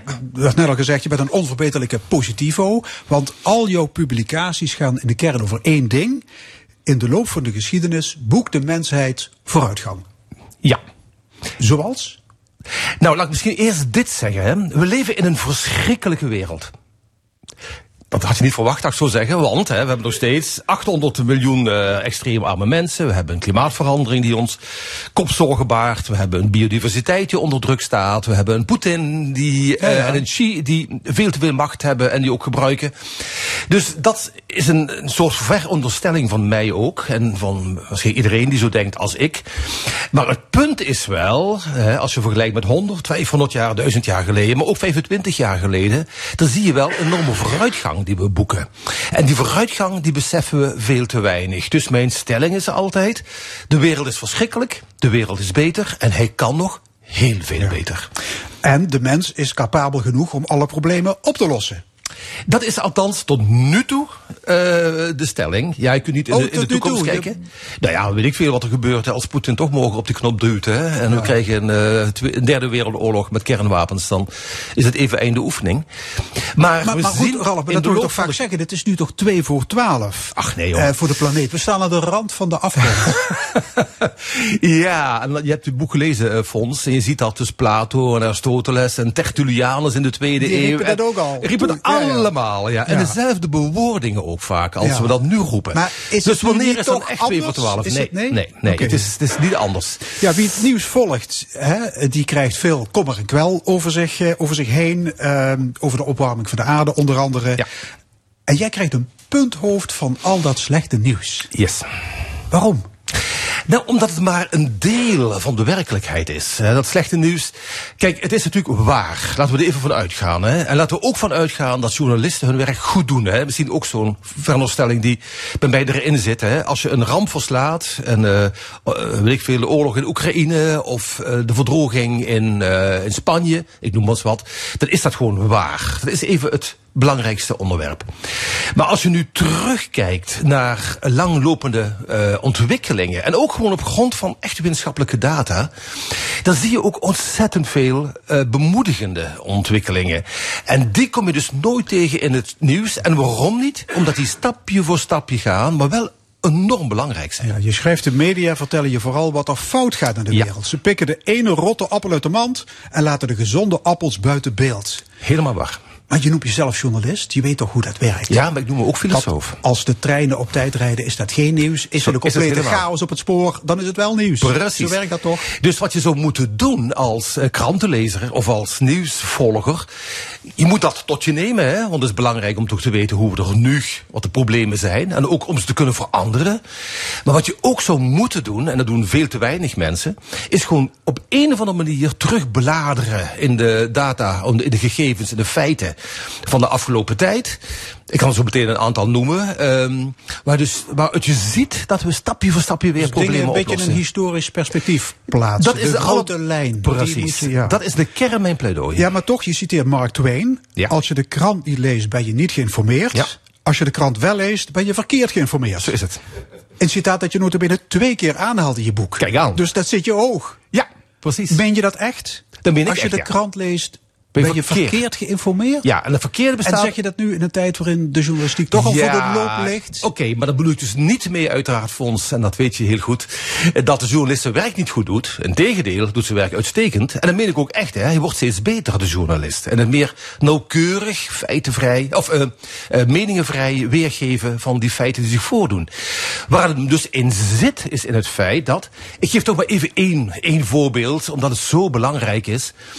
Um, Precies 100 jaar geleden, in de jaren 20 van de vorige eeuw, hadden we op jarenbasis ongeveer 450.000 doden door klimaat. Overstromingen, droogtes, hittegolven en uh, we hebben nog meer stormen. Dat zijn de vier hè, de grote problemen van het klimaat. Dat hadden we 100 jaar geleden, toen we met 2 miljard mensen waren. Ondertussen is het klimaat met een graad opgewarmd zijn ook de stormen en overstromingen en de droogtes en de hittegolven wat toegenomen. Het zal nog erger worden, ongetwijfeld. En dan zou je verwachten dat het aantal slachtoffers ook natuurlijk enorm zou zijn toegenomen. Te meer omdat we nog eens met 8 miljard, miljard mensen zitten. Is dat zo? Nee. We zitten op dit moment, vorig jaar althans, met minder dan 10.000. Kortom, je hebt niks op met alarmisten. Mensen die Precies, dus dat, dat feit, het hè, de wereld het- ten onder gaat. Ja, het feit dat wij onze wereld altijd veiliger maken tegen klimaat, hè, of het nu verandert of niet, hè, dat zul je vrijwel nooit tegenkomen in de media. Waarom niet? Omdat het geen feit is dat zich nu voltrekt. Het is iets wat dag in dag uit, hè, door betere dijken, betere irrigatie, betere drainage, betere airconditioning, noem maar op, zich stapje voor stapje voltrekt. Het is nooit een moment. En daarom zou de journalist het nooit oppikken. En dat zouden journalisten wel moeten doen. En dan word je fatsoenlijk geïnformeerd. Dus de kans dat je hier dadelijk gaat vastlijmen aan deze tafel is, eh, is, is niet heel. Die is voor mij vrij klein. Oké. Hey, ehm, ja, de aarde warmt een snel tempo op. En dat is jouw oplossing adaptatie. Ja. De mens is slim genoeg om innovatieve eh, oplossingen te bedenken. Ja. En zo niet? Nou, Gaan we dan richting de 3% en dan? Ja, nee, het gaat, het gaat om iets anders. We hebben dus twee vormen van aanpak van de klimaatverandering. De ene heet mitigatie, hè, de CO2 of alle broeikasgassen proberen terug te dringen. Heel belangrijk lijkt me dat. Ben ik ook erg voorstander voor. Alleen zie ik dus dat de meest voor de hand liggende oplossing, maar dat is een thema dat we al eerder hier behandelen, Ja. namelijk kernenergie, door onze twee buurlanden, helemaal in de ban van het groene denken, worden afgeschaft. Maar daar zit een hele concrete oplossing voor CO2-vrije energie. Maar Mark, eh, eh, Ja, de, meest, de meest voor de hand liggende oplossing Ja. is misschien wel om te beginnen aan de voorkant. Namelijk? Door de uitstoot van broeikasgassen aan te pakken. Ja. Dat is zeker de meest voor de hand liggende oplossing. En dat doen we ook, hè. Het grappige, niet grappige is, het mooie is, sinds de jaren 70 zie je de CO2-uitstoot in Europa terugloopt. We zijn al 30% minder CO2-uitstoot in Europa gaan Maar, eh, uitstoten. Vorig jaar is een record hoeveelheid CO2, methaan en lachgas uitgestoten. Wereldwijd. Wereldwijd. Wereldwijd. Ik heb het over Europa nu, hè? Ja. Ja, nee, wacht Wat maakt even. dat nou uit? Je ziet wel dat de, het continent waar de meeste, het meest vooruitstrevend is in technologie, dat zijn wij Europeanen. En gevolgd door de Amerikanen, sinds, sinds 2000 zie je daar CO2-uitstoot eh, dalen. Nou, het komt er dus op aan dat de hele wereld dat voorbeeld gaat volgen. Maar dat doet die hele wereld vooralsnog niet. Hè, want de Chinezen, en zeker, er komen nog 2 miljard Afrikanen bij. Die moeten nog die enorme slag slaan naar enige welvaart en veiligheid. En, wat wij, en geluk, wat wij ook hebben hier in Europa. Dus ik denk enerzijds, we moeten echt zwaar inzetten op terugstoot van CO2. En dat doen we ook voor een al. Zeker in het rijke deel van de wereld. Maar we moeten ook rekening mee houden dat dat niet gaat lukken. Jouw boek is en dan één- kom je op adaptatie. Het aanpassen van ons aan die klimaatverandering. Je boek is één grote hommage aan de mens. Ja. Hè, met zijn intelligentie, creativiteit, scheppende kracht. De mens, schrijf je ergens, is een zegen voor de aarde. Jazeker. Daar zullen veel mensen zich op hun hoofd krabben. Ja, we zijn is zo geïndoctrineerd door de gedachte dat wij een, een, vloek voor de aarde zijn. Hè? Nu, 50 jaar geleden, de Club van Rome, jou zeer bekend, hè, die zei al: Ja, de aarde heeft kanker en de kanker, dat is de mens. Hè? En de mensheid is de grootste vijand van de mensheid. Dus we zijn natuurlijk zo die afgelopen 50 jaar zo doordrongen van de gedachte, nou, onterechte gedachte, dat wij de wereld alleen maar kapot maken, plunderen, voor anderen, eh, weet ik veel. Dat we niet zien dat we de wereld, althans voor de mens, alleen maar stapje voor stapje beter maken. Maar vroeger dacht je dat toch ook? Je ging kijken in het Roergebied. Ja. Met al die schoorstenen en al die vervuiling. Zeker. Wanneer is dat, dat andere zaadje beginnen te ontkiemen? Ja, dat is mooi. is dat ja, dat is toch dat Roergebied geweest. Ja? Ik kwam daar als, ehm, ik leefde daar als jongen doorheen, eh, eh, richting Oost-Europa. Dat deed ik toen vrij vaak. eh, ik was misschien twintig of zo. Ja, want je komt uit Limiers bij Vaals. Ik kom meestal. Vaals. Maar in dat geval lift ik vanuit Tilburg, waar ik studeerde, lift ik dan richting het oosten. Ik kwam door het Groegebied en zag dus dat enorme vervuilde gebied. Wat ook een fascinerend gebied was natuurlijk. Hè, met zijn eh, en het nachts al die lichten van dat staal dat uit die eh, hoogovens liep in die, eh, in die, in die, in die, ehm, in die treinwagons. Ehm, dan zie je dat dat Groegebied zich allengs schoonmaakt voor een heel groot deel. En nu is het een van de grootste omgevingen, grootste metropolen van Europa. Nog steeds met eh, drie, vier miljoen mensen. Met eh, universiteiten, bioscopen, theaters, heel veel kunst erin. En die oude fabrieken zijn min of meer worden ingepakt door dat groen. En dat gaf mij de, de idee. Wij kunnen dus ook zo'n door en door vervuild gebied. Hè, want nogmaals, in de jaren tachtig was het toch heel smerig. eh, kunnen wij weer eh opkalefateren tot een heel schoon gebied. waar mensen een heel gelukkig en welvarend leven leiden. En ik, vorige week reis ik toevallig door de, de vervuilde driehoek bij Katowice in Polen. In de jaren 80 en 90 ook zo door en door smerig. Ook helemaal weer groen en een groot parklandschap. Dus met andere woorden, ik put mijn hoop voor een heel groot deel het feit dat wij fouten maken. En die maken we ook met z'n allen. Maar dat we die fouten ook weer herstellen voor een groot deel. Nee, voor een groot deel volledig Ja, herstellen. want ja, lang leven de mens, maar de mens is ook een, een vernietiger. De mens is ook egocentrisch. De mens is gewelddadig. Hoe, kijk, hoe kijk je daar En de mens is een bouwer, en de mens is altruïstisch, en de mens is ook een beschermer. Dus het is allemaal waar. Het zijn, is beide waar. Het zijn twee tendensen die we zien. En ik ga toevallig vanmiddag een lezing houden in de Basiliek in Sittard over dit onderwerp. En als je terug zou gaan naar de Bijbel, hè, maar eens iets te noemen, die lezing is in een kerk, hè, dan zie je het verhaal van Adam en Eva en de zondeval. Hè, en dat ze dus een fout maken door van die slang te eten en weet ik vele mensen als zondig. Maar je ziet ook in het begin van de Bijbel, in het Genesis 1, dat God de wereld schept. En dan een mens maakt naar zijn beeld en gelijkenis, die die scheppende kracht weer voortzet. En die wereld weer stapje voor stapje mooier en beter en welvarender maakt. En dat zijn twee tendensen. Alleen, en dat is het punt weer, de sombere tendens, die overspoelt ons aan alle kanten. En de meer optimistische tendens, die, die hoor je nog maar amper. Ja. En ik zie dat is mijn taakfonds. om dit ook eh, weer eens Ja. aan, voor het voetlicht eh, te brengen. Je noemt jezelf eh atheïst, Ja. humanist, zoon van de verlichting. En toch komt spiritualiteit, je noemde het net al, volop aan de orde in je boek. Genesis, het Nieuwe Testament, je citeert mystici. Is dat nog de echo van oud theologiestudent, half Baudelaire? Nou, voor een deel, maar voor een deel ook iets waar ik echt nu, eh, eh, sinds een jaar of twee jaar, steeds meer over nadenk. Ehm, je weet wellicht, ik heb een wandeling gemaakt van Jeruzalem naar Bouillon. Hè. Daar ben ik ook hier De omgekeerde kruistocht. Exact, ja. En dan ben ik nu ook een boek aan het werken daarover. En ik verbleef tijdens die wandeling ook regelmatig in abdijen. En, en ook voor een week. En ik draaide ook helemaal mee in die abdijen. Zowel in Jeruzalem als in Oostenrijk, Duitsland, eh, Turkije. Ehm, en wat mij puzzelt en wat mij bezighoudt is de rationaliteit, waar ik echt voor ben, hè, het redelijk rationeel kijken naar de wereld, kan niet op zijn eigen poten staan. Die moet het hebben van een soort morele of spirituele impuls. Om ook te blijven kijken en te blijven zoeken en te blijven argumenteren. Dus eigenlijk komt religie op een bepaalde manier weer terug zo in mijn denken. Maar Ja. ik weet dan niet precies welke plaats eh dat Volgens, heeft. volgens mij ben jij een katholieke atheïst. Zo noem ik me altijd. Ja, of een atheïstische katholiek. Ja. Ja. Maar da- daar speel ik altijd mee met die twee woorden. Dat En, je komt vaak in Afrika, al bijna 30 jaar. Je organiseert reizen naar Malawi. Z- Zijn jouw ideeën over de menselijke veerkracht ook, ook daar ontwikkeld? Ik denk dat ze nergens zo sterk ontwikkeld zijn dan daar. Ik heb net Roergebied genoemd, maar eigenlijk had ik misschien wel Malawi moeten noemen. Het land, hè, dan neem ik de mensen mee naartoe, hè, voor eh, twee weken. En, ehm nou ja, du- dood en doodarm. Hè, Ja, is een van de armste landen ter wereld. ter wereld. Overigens wel een van de meest veilige landen. Dus nooit oorlog of eh, ook weinig geweld. Maar mensen dus constant getroffen worden door onheil. Hè. Kindersterfte is nog steeds hoog, aids is hoog, malaria, weet ik veel. En dan toch weer die veerkracht om door te gaan, om weer te bouwen en weer kinderen te krijgen en ze weer naar school te sturen. Dus net in die armste omgevingen zie je meer veerkracht en meer optimisme, veel meer optimisme, dan eh, bij ons. En dat is de reden waarom je die reizen organiseert. Waarom je mensen dat wil laten zien. Mensen blootstellen aan. eh, mensen komen terug met twee ervaringen. Enerzijds, god wat ellendig om daar te willen wonen. En wat een energie krijg ik van de energie van de mensen die daar wonen. Ja. Ja.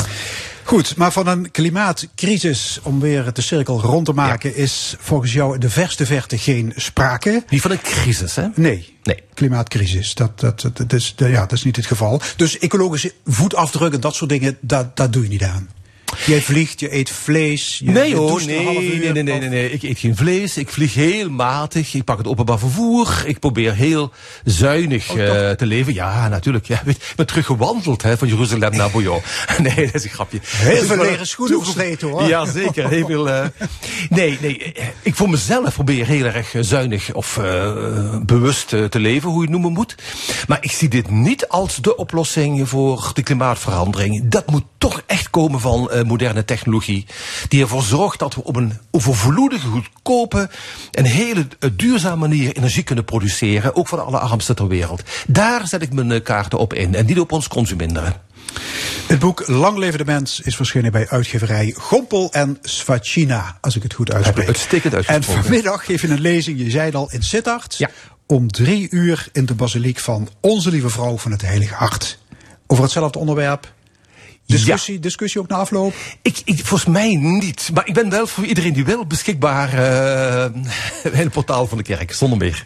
Ralf Baudelaire, hartelijk dank. Dankjewel Fons. Dankjewel Frank.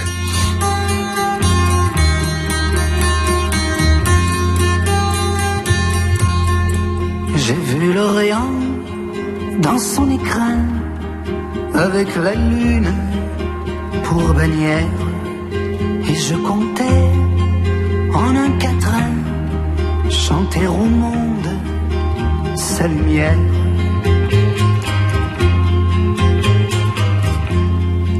Mais quand j'ai vu Jérusalem, coquelicot sur un rocher, j'ai entendu un requiem quand sur lui je me suis penché.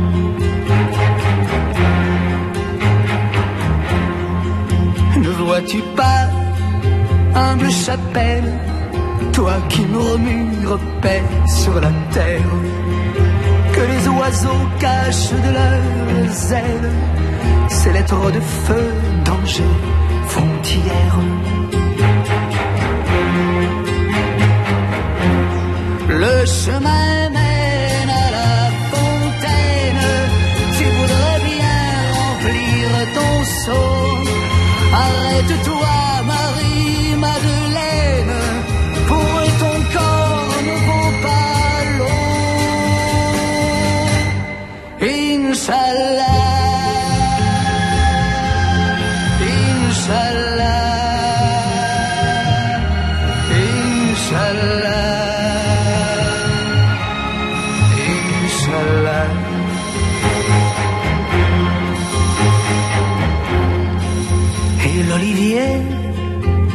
son ombre, sa tendre épouse, son amie, qui repose sur les décombres, prisonnière en terre ennemie.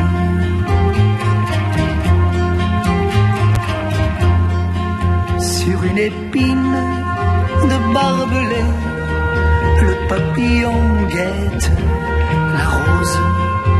Gens sont si cervelés qu'ils dire oh, si j'ose.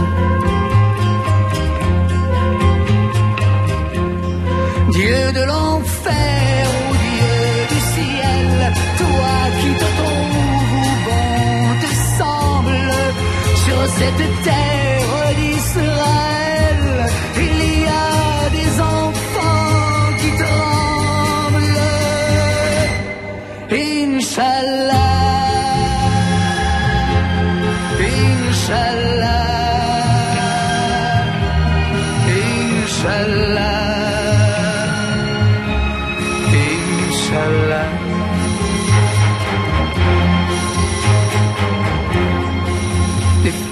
tombent sous l'orage. Demain le sang sera lavé. La route est faite de courage. Une femme pour un pavé.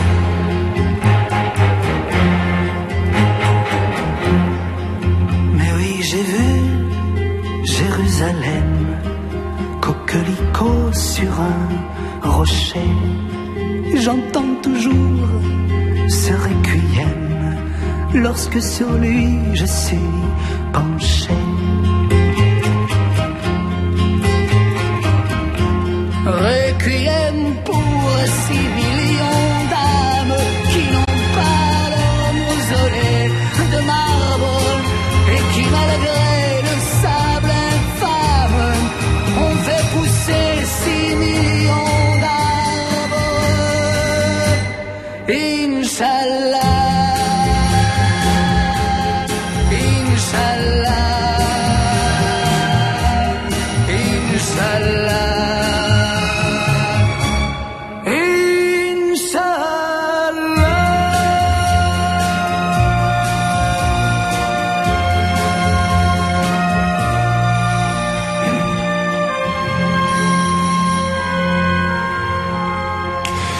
Inshallah van, u had hem al herkend, Adamo. Dit is alleen met de stemming. Na half twaalf dan neemt het opiniepanel plaats. En we discussiëren over de afnemende populariteit van de markt, klimaatactivisme en andere onderwerpen. Maar eerst... De column. Vandaag met Rezi Kouwmans. Tja, we hoorden net heel optimistisch, lang leef de mens. Maar ik wil het toch met u hebben over de Komodo-varaan. Komodo-varaan. Eén beet, het is gedaan. Zijn gift stroomt door je bloedbaan. Je vlucht van hem weg, voelt je nog best goed. Maar ziet over je schouder, hij volgt je op de voet. Dat is een coupletje uit een leed van Jentel en de Boer. Zoek maar eens op, eh, op Google, dat is erg leuk. En gisteren hoorde ik dat toevallig en toen dacht ik, goh, nu wordt toch blijkbaar door reptielen geregeerd. Eh, welk reptiel zou ik dan geer willen zien? Een komodo-varaan. Ja, ja, nee, dit dwingt wel respect af. Of ja, respect is misschien niet het goede woord, want van dat beest kunt ze maar beter zo ver mogelijk wegblijven. Alleen de slijm al uit zijn bek is dodelijk. Respect is sowieso een moeilijk woord, vind ik. Kijk, als ze dat af moest dwingen, dan klopt er volgens mij het niet, naar mijn mening. En kind ze respect hebben voor iemand zijn mening, als die persoon zelf door zijn acties niet laat zien dat er het zelf heeft? Pak nu de voetballer. Wat maakt dat nu uit? Doet zich gewoon dat regenboogbandje om, zou ik zeggen. Want de kans dat God het zich overstraft met een bliksemschicht is 1 op de 2 miljoen. Kijk, dat risico zou ik durven nemen. Respect, vertrouwen. Ja, dat zijn grote woorden. En jullie moeten mij vertrouwen. Oei, als iemand zo gaat zeggen, dan schiet ik draag in de straat en dan vertrouw ik hem. Juist niet. Want stiekem denk ik ook dat het toch niet aan lek, respect en vertrouwen, dat bestaat wel. Alleen ontbreekt het heel veel lu aan zelfreflectie. Kijk, als ik de pief van Forum voor Democratie zie, je dat die rioolratten ri- rioolratten ging ontmaskeren, dan denk ik, jong, heb stig vanmorgen wel goed in de spiegel gekeken? En wat zoog zich toen? Een komodo vooraan. De journalisten probeert te intimideren. Kijk, het slechte nieuws is dat die beesten eens geen natuurlijke vijanden hebben. Het gooien daarentegen is dat ze alleen in komodo voorkomen. Dan dat is gelukkig wiet weg. Waren het niet dat de wannabe miniatuurversies heel get dunner bij hoes nestelen. Bij mij om de ook zelfs. Haar slijm is weliswaar niet direct dodelijk, maar haar zelfreflectie is even slecht. Ze geven geer anderen de schuld van hun eigen gebrek aan respect en vertrouwen en proberen zo de tegenpartie te intimideren. Ik citeer. Mevrouw Komans, u met uw columns. Hij zei in ieder geval wel nog mevrouw tegen mij. Respect. De column was dat van Rezi Komans. We gaan eh, in de stemming naar het discussiepanel. Drie opiniemakers bespreken het nieuws van de week. Vandaag over klimaatactivisme. Moet de wolf bejaagd kunnen worden en over de groei van de bevolking. Ik heet van harte welkom het vaste trio gemeenteraadslid en ondernemer Gabrielle Heijnen. Cor Bosman, ook ondernemer en communicatieadviseur Loek Hustings. Welkom alle drie. Eh, de Nederlandse bevolking groeit flink. We zijn hard op weg naar de 18 miljoenste inwoner in dit land. En dat komt allemaal door immigratie. Eh, ja, hoe kijken jullie daarnaar? Is het een eh, vloek of is het een zegen voor ons land? Gabrielle.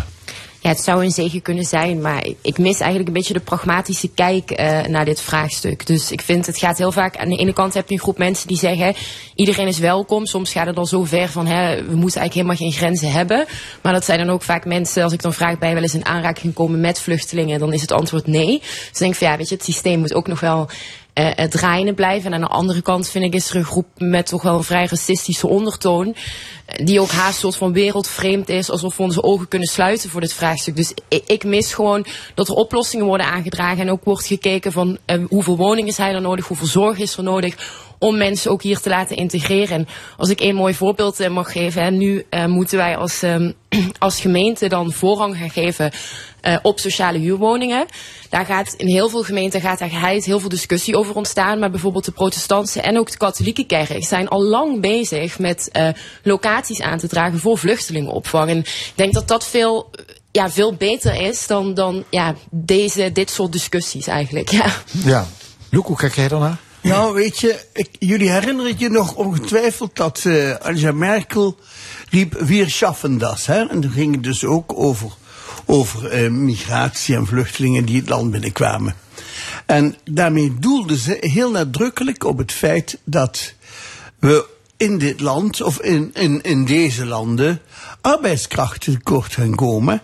En dat die migranten daar een waardevolle rol in kunnen spelen. Nu hebben we het, het, op dit moment het voordeel tussen aanhalingstekens dat er veel Oekraïners bij zijn die onmiddellijke werkvergunning krijgen. Die mogen meteen werken, daar is geen enkele belemmering. En dat, dat aantal um, uit de Oekraïne, dat aantal vluchtelingen of migranten, is ontzettend groot. Dus dat is een groot voordeel op dit moment. Het probleem doet zich natuurlijk voor dat als je kijkt naar de groep die overblijft, dat daar dus allerlei beperkingen zitten om die überhaupt aan het werk te krijgen. Um, laten we zeggen, de taal geldt voor iedereen. Los daarvan. Maar uh, voordat iemand toestemming krijgt om in Nederland te mogen verblijven of te mogen werken, gaat er al een enorme periode overheen. En als hij die toestemming niet krijgt, dat hij niet mag verblijven, dan moet hij wegwezen. Maar dat wegwezen, dat is heel makkelijk gezegd, maar dat is helemaal niet makkelijk uitgevoerd. En als ik dat dan ook nog een keer afzet, hè, want je de, de, zeggen dus terecht, mensen die, die hier werken, hebben, hebben recht op een woning. Maar als we de woningen al niet aangesleept krijgen, door wat voor reden dan ook CO2 en, en, en gebruik van grondstoffen, gaan ze maar door.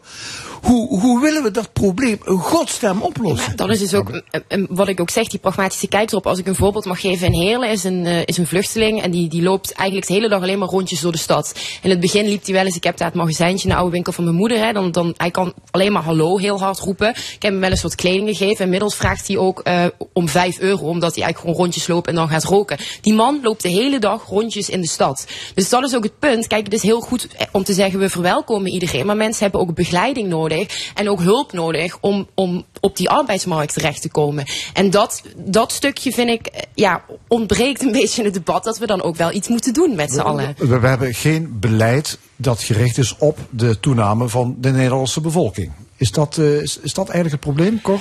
Ik denk dat dat eh, inderdaad het probleem is. Als je, als je kijkt naar de, de, de CBS-cijfers. eh, op het ogenblik de hoogste toename sinds 20 jaar. En als je ook de, de, de kritieken kijkt wat de CBS er geeft.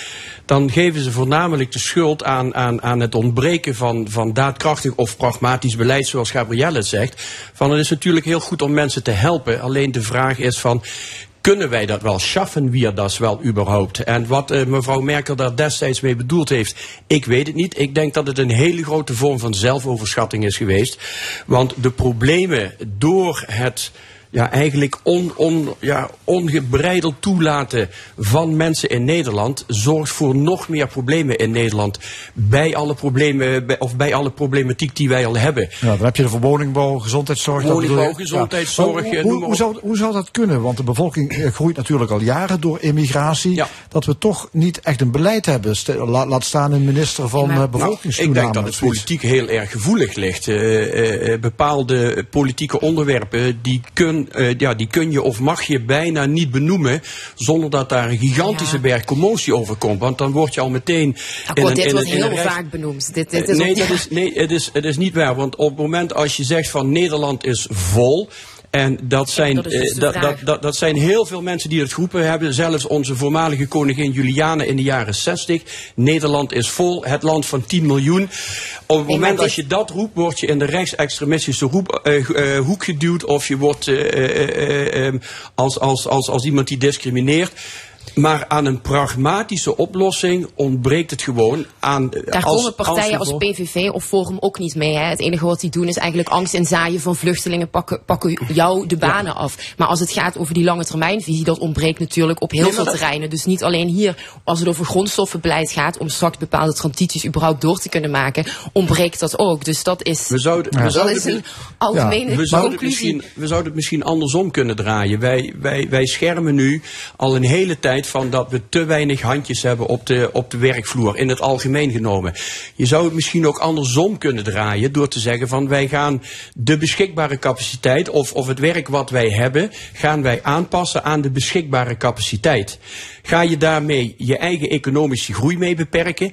Ik denk het namelijk niet. Als ondernemer wil niet zeggen dat je altijd meer omzet moet draaien. Want meer omzet gaat met meer kosten gepaard. En met meer, en jij bent zelf ondernemer, jij begrijpt dat heel goed. Wij draaien op dit moment draaien wij minder omzet met minder handjes. Maar netto renderen wij veel beter. Dus misschien zou je het, het probleem een keer moeten omdraaien. Om het werk aan te passen aan de capaciteit die we op dit moment hebben. En dan tackle je in één keer een hele hoop problemen. Ja, want het grootste deel van de mensen die dus naar Nederland komen, dat zijn anders dan misschien mensen dat, dat je zou denken, dat zijn niet de asielzoekers, zoekers, de, vluchtelingen, eh, dat zijn juist de arbeidsmigranten, hoog opgeleid uit India, heel veel mensen uit Oost-Europa die hier in de kassen bijvoorbeeld werk komen eh, uitvoeren. Dus, dus wij vragen om handjes en Ja. ja, daar komen mensen. Ja. Omdat, omdat, het dan, omdat dat in eigen eh, landen niet voor, eh, voorradig is of voorhanden is. Het werk is daar niet, gewoon niet voorhanden. Eh 29% van de handjes komt uit Oost-Europa. Dan komt wat je net zei uit India, maar dat zijn voornamelijk kenniswerkers. En ik ken een aantal van die mensen, die zijn hoog opgeleid. Die hebben hier een toegevoegde waarde. Zijn wel ook een probleem als het gaat eh, eh, in, de, in de wooncrisis. Hè? Want die kunnen Absoluut. vaak die drijven de prijzen op. Dat zie je in Maastricht heel Absoluut. erg. Dat expats de prijzen opdrijven en starters eigenlijk daardoor geen, geen kans meer maken. Dus dat vormt in die zin wel een probleem. En bij die arbeidsmigranten uit Oost-Europa, ja. die, die, die wonen vaak in verschrikkelijke huizen, Ja. onder verschrikkelijke omstandigheden. Maar, maar Cor, ik hoor jou dus zeggen, eh, we moeten gewoon minder werk aanbieden en dan hebben we ook minder mensen nodig als Ja, arbeidsmigranten. dat is, dat is, de, omge dat is de Ja, omgekeerde. ik denk niet. Ik denk als je bijvoorbeeld ook nu gewoon naar de vergrijzing kijkt. En als je bijvoorbeeld in de zorg kijkt. Gemiddeld wordt daar 20 uur eigenlijk gewerkt. We hebben daar veel meer eh, eh, arbeidskrachten nodig. Ik denk gewoon dat het heel belangrijk is dat we eh, inderdaad wel pragmatisch kijken van wat kunnen we aan. Hè? Wat is daarvoor nodig. Maar dat we vooral gaan kijken dat we mensen goed gaan begeleiden tot die arbeidsmarkt. Dat ze ook kunnen integreren in onze samenleving. Ik denk dat dat- Ik denk wel zeker dat het kan. Eh, er zijn ook natuurlijk allerlei andere vraagstukken zoals de stikstofproblematiek. Als je kijkt naar de, de woningvoorraad. Eh, maar ik denk zeker dat het kan. Alleen ja, daar moet Ik wel... denk dat dit gewoon de omgekeerde wereld is. Nogmaals, wij weten al vanaf eind jaren 70, begin jaren 80 dat er een vergrijzing in Nederland aan zit te komen. Een, een ontgroening. En 40 jaar lang is daar geen sluitend beleid op gemaakt. Het is allemaal hap-snap-beleid. En we, we vervallen iedere keer weer in de varkenscyclus. Er is een probleem, we gaan een oplossing zoeken. Op het moment dat we een oplossing hebben, dat duurt gemiddeld 10 jaar voordat we politiek gedragen oplossing hebben. hebben we- hou je niet tegen. we Dat is weer- hebben we weer gewoon een nieuw probleem.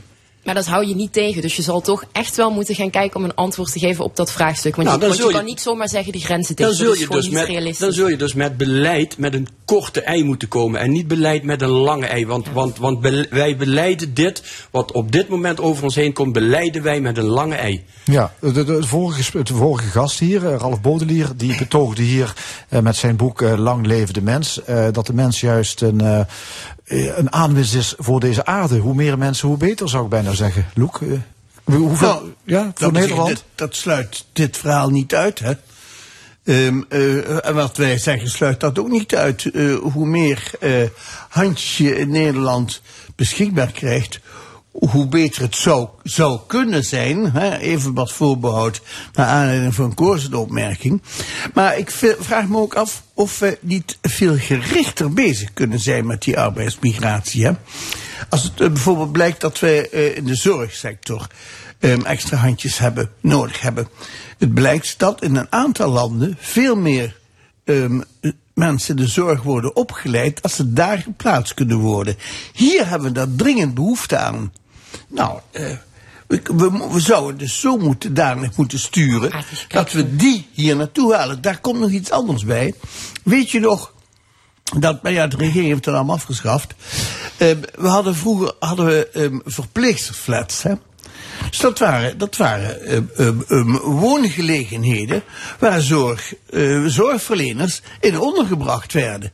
En dat, dat, dat, dat, die ruimte was ervoor, ook, ook, ook naast het hospitaal, of, of, of, of maakte er deel van uit. Dat was allemaal ideaal. Dat is allemaal afgebroken. Dat moet allemaal niet meer. En, en mensen moeten zelfstandig en weet ik veel wat voor gelul meer. Nou, dat zal wel. Maar daarmee ontstaat er dus wel een nieuw probleem. En je lost het zorgprobleem niet op. Goed, we gaan naar een ander thema. Klimaatactivisten die hebben het gemunt op topkunst. Schilderijen van Vermeer, Van Gogh en Monet die worden bekogeld met tomatensoep en andere smurrie. En jongelui lijmen zich vast aan muren van musea en aan tafels van talkshows. Cor Bosman, wat vind je ervan? Ja, ik vind het terrorisme. Ik vind het geen eh, klimaatactivisme, maar ik vind het eh, klimaatterrorisme. Als ik het laatste voorbeeld, ik ben afgelopen week op vakantie geweest. Ik heb me heel weinig met het nieuws eh, bezig gehouden, maar dan zie ik zo'n sneuneus als een meneer Jelle de Graaf, die zich bij Bo en Jinek op de tafel vastlijmt. Volgens mij heeft hij kinderlijm gebruikt, want ik had gehoopt dat hij secondenlijm... Pret. Ja, dat hij, dat hij eh, toen ze hem eraf kiepte, dat zijn, eh, dat zijn handen nog eraan plakten. Maar als ik dan bijvoorbeeld op de site van, van die meneer Jelle de Graaf heeft een eigen website. En daar staat hij dan dat hij zich inzet voor democratische gemeenschappen. Nou, als jij op deze manier met terrorisme, met afdwingen van jouw gelijk, als jij op deze manier een bijdrage wil leveren aan democratische gemeenschappen, nou, dan zakt mij de broek vanaf. Luke Hustings. Um, mij zakt sowieso de broek af als ik, um, als ik naar deze acties kijk. Hè, inderdaad, wat je zegt, er zit dus een, een soort terreur achter. Maar het, het, um, volgens mij vraagt het aandacht voor zaken waar iedereen zich ontzettend van bewust is dat er een probleem is. Nou ja, dat is maar de vraag. Ik hoorde een activist die zich had, die zich had vastgelijmd roepen tegen het publiek. Zijn jullie woedend? Waar is dat gevoel terwijl je de planeet vernietigd ziet worden?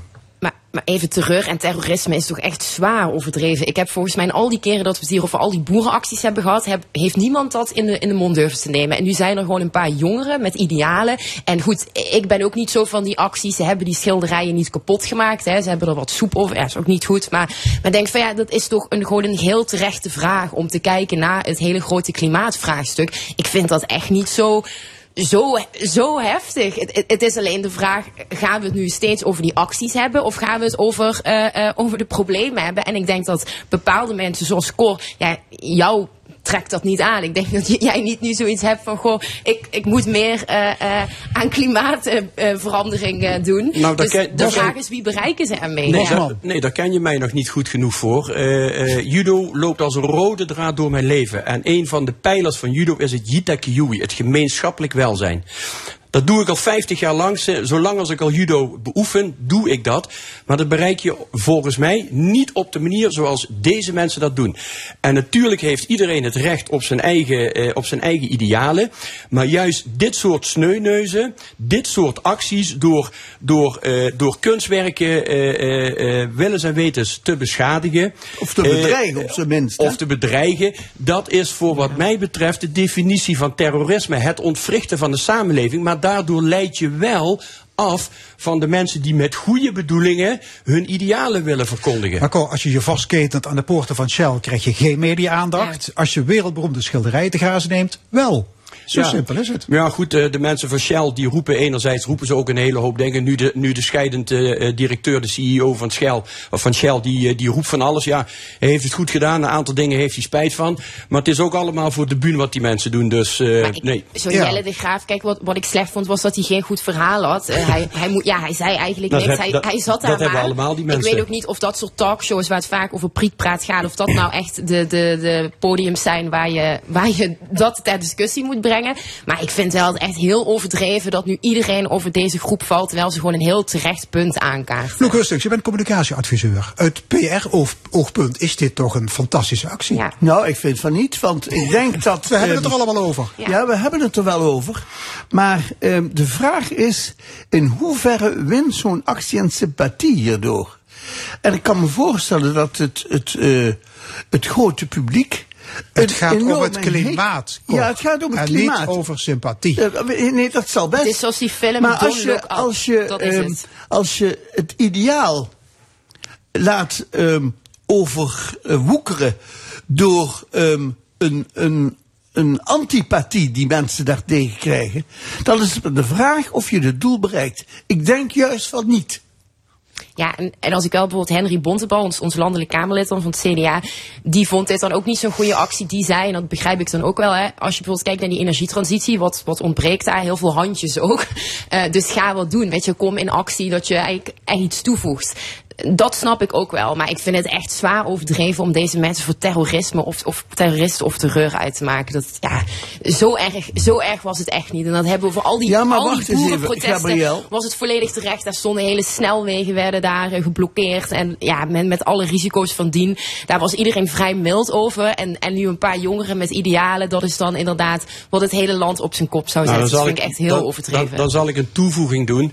Eh, diezelfde Jelle de Graaf, die heeft een aantal jaren geleden heeft hij, eh, op, de, op de gemeentelijke eh, kieslijst gestaan voor de Piratenpartij in Amsterdam. Ja. Staat hij met zijn, bloot, staat hij met zijn blote pielenman, staat hij erop. En Jan Dijkgraaf, eh, columnist, ik mag hem wel heel erg of, eh, graag, eh, hij heeft gezegd van nou, die foto bewijst alles, meer lul dan hersens. ja. Dus nou, dat, dat, dat Viel typeert- ook op, hè? Viel wel op. dat ja. typeert, het viel wel op, ja, maar het typeert wel eh, eh, eh, zijn minieme herseninhoud wat die man heeft. Maar het doel, het doel heiligt de middelen? En deze wel, ja. Oh nee, zeker niet. Nee, nee, nee, nee. Want weet je, weet je, er komt nog een ander gevaar bij kijken. Toevallig is het in, in, eh, tot nu toe is het, eh, goed afgelopen. En ehm, hadden ze zich er van tevoren overtuigd dat daar een glasplaat voor zat, of, of voor die schilderijen. Met het gevolg dat de schade dus zeer beperkt is gebleven.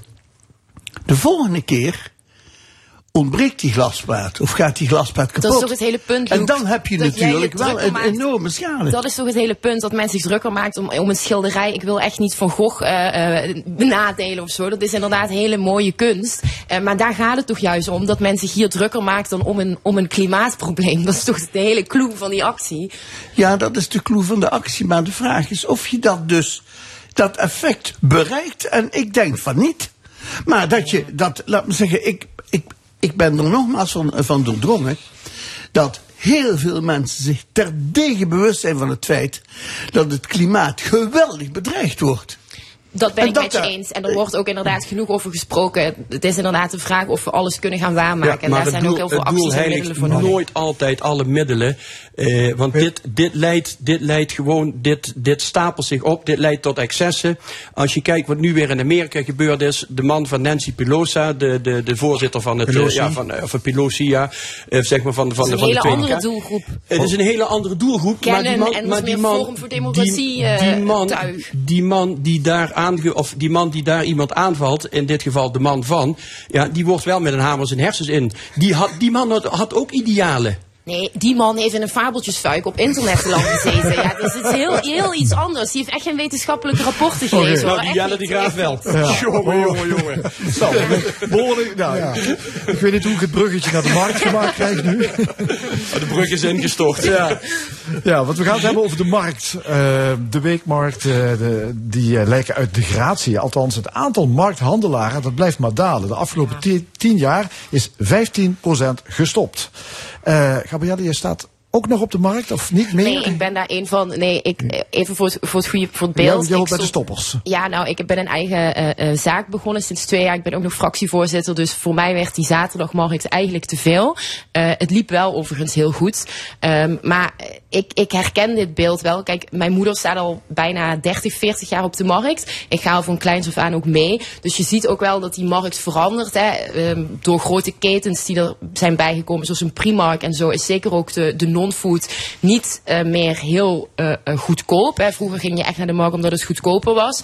Ehm, maar ik- vind wel dat dit een beetje een soort van, van horror of een, een doemscenario schetst. Terwijl dat zie ik echt niet. Als ik Nee. bijvoorbeeld naar eh Maastricht de markt kijk, die staat nog steeds in de regio heel hoog aangeschreven. Ehm, de markt, er komen ook nu na corona steeds meer kooplieden bij. Het is overigens ook een hele goede manier voor bijvoorbeeld mensen met een migratieachtergrond om te beginnen. Daar hebben we er heel veel van eh, op de markt. Ehm, ja, dus ik denk niet dat de markt eh, ehm, ten einde op is geschreven. Nee, zo, zo, zo ver was ik ook nog niet. Maar er zijn wel heel veel mensen die stoppen met de markt gaan. Hè? Ja, en, en, en jammer genoeg zijn dat de dingen die de markt leuk maken, die de variatie erin brengen. Ja, het zijn niet Eh, de, de, de bananenverkopers, maar eh, dit zijn de, Het de zijn de fusseltjes, snuisterijen, het is de textiel, het zijn eh, soms ook dingen waarvan je zegt, daar moet je nou typisch van naar de markt gaan om dat te vinden. Als je een nieuwe fietsenbel en, nodig En hebt. daar komt nog iets anders bij. Ehm, herinner je nog, de, de, er was zo'n oude reclamekreet hè, van op de markt is je gulden een daalder waard. Hè? Ik ben ervan overtuigd dat inmiddels op de markt je daalder een gulden waard is. Dus het omgekeerde. En als ik nou kijk dat die markt zich steeds meer con, eh, concentreert op, foodachtige dingen, dan valt het mij vaak op dat ehm, het, het, het product dat je er krijgt van kwaliteit minder is dan dat je dat in de detailhandel krijgt. De kwaliteit is minder en de prijs is hoger. Nee, dat is, dat is niet waar hoor. Nou, dat is mijn- dat is mijn Als ik ervaring. bijvoorbeeld kijk naar de, naar de... In Maastricht staan er heel veel stoffen. Je hebt sowieso al niet veel stoffenwinkels. Dat, Ja, maar ik heb het net over food, hè? ja, de food is ook van hoge kwaliteit. Als ik bijvoorbeeld een groenteboer in Maastricht pakt, die, die koopt echt bij speciale eh, leveranciers in.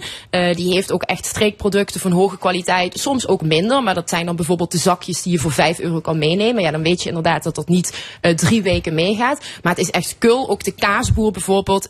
Die heeft echt hoge kwaliteit. Dus vaak beter dan de supermarkt. En zeker voor de food is het nog steeds goedkoper om daar eh, je etenswaren te halen dan in een supermarkt. Dat is gewoon echt zo. Dus nee hoor, de markt heeft nog steeds een, een hele hoge Ja, kwaliteit. Maar toch zijn er ook steeds minder mensen die gaan. Hè? Een derde van de Nederlanders gaat wel eens naar de markt. In 2008 was dat nog bijna 47 procent. Eh, dus ja, mensen vinden er blijkbaar ook niet meer wat ze willen vinden. Snap jij het, Cor? Ja, ik snap het wel, ja. Als je, eh, ja goed, we hebben het altijd over ontgroening, maar eh, de doelgroep die, die naar de markt gaat, eh 18% is onder de 18 jaar. Maar dat is wel juist de doelgroep die gigantisch veel gebruik maakt van internetverkopen. Nou, als je dat langs elkaar gaat leggen, de laatste 10 jaar zijn er ongeveer 2000 marktkooplieden gestopt. Eh, en dat is voornamelijk in de non-food sector. Nou, ik vind dat niet raar door de opkomst van alle internetaanbieders. eh, met een druk op de knop eh, vandaag bestellen, vanavond nog in huis. Dus, dus ik vind dat niet raar dat dat soort producten juist gaan verdwijnen. Van de andere kant, wat de opmerking die Gabrielle eh, maakt. Ik weet niet of wij erop staan te wachten dat we van alles eh 13 in een dozijn krijgen. Dat je allemaal van die vakantiesoort winkeltjes achter elkaar gaat krijgen. Waar je eh, kilometers achter elkaar dezelfde producten aangeboden krijgt. Omdat je juist ziet dat met de traditionele voorjaarsmarkten. Dat ze daar juist weer een, een, eh, eh, een halt aan willen toeroepen. Dat je allemaal dezelfde soort kraampjes op de markt hebt. Je wilt diversiteit hebben. Dat is er ook, maar eh, zeker na corona zijn er wel een aantal ondernemers ook gestopt. Bijvoorbeeld omdat hun partner werkte en dan kregen ze die, eh die TOZO-uitkering niet. Toen zijn ze dus een baan gaan zoeken en eh, niet meer teruggekomen. Maar als ik bijvoorbeeld naar de vrijdagmarkt kijk, daar is nog steeds genoeg diversiteit. En er komt ook een gemengd, gemengd publiek. Alleen, tuurlijk, die markten zijn vaak vroeg. Hè. De meeste markten zijn nu ook tot in de middag inmiddels. Zijn met de tijd meegegaan. En dan werken over het algemeen ook de, de wat jongere mensen. Dus Ja. het- dat, is, dat is niet raar. Ik hoorde deze week een marktkoopvrouw zeggen... ja, de, de markt moet ook meer beleving gaan bieden. Het is niet alleen maar die kraampjes, maar er moet, ja, er moet bijvoorbeeld kinderopvang zijn... en ik weet niet wat allemaal... dat, dat gaat wel erg eh, eh, ver. Maar die lifestyle markt, hè, ik bedoel, ik zit in de, in de vintage kleding ook, die zijn heel erg in trek. Dus dan staat er bijvoorbeeld een foodtruck bij. Er staat iemand die eh, platen, LP's verkoopt. Dat is dat stukje beleving. Maar dat, dat heb je tegenwoordig ook al in winkels. En in winkels is het ook niet meer dat daar echt één product wordt verkocht. Dan zijn ze ook al in verschillende branches. Er wordt een glaasje champagne of een kopje koffie. Dus beleving, dat is het, het woord inmiddels. Ja. Ja. Loek, wat denk jij? Dus Ja, is er toekomst dat- in de markt? Dat geldt voor alles. Ik, eh, ik ehm, eh, heb wat meer ervaring met de markt in Lanaken. Hè? Dat, is, dat is ook een wekelijkse markt. En het, het voordeel daar is dat eh, je merkt dat men zich daar geweldig inspant om daar het amusementsgehalte op de een of andere manier te verhogen. Door, door daar bandjes neer te zetten of te laten rondtrekken op die manier. Nog meer een, braderie. Ja, maar, maar dat, dan praten we over gewoon de wekelijkse markt. Hè? Het moet een uitje zijn, ja. Ja, maar en, en laten we zeggen, ehm, iedereen wordt vrolijk als er, eh, als er een, een dweilorkest of, of wat voor orkest dan ook langsloopt. Dat, dat, daar heeft niemand bezwaar tegen.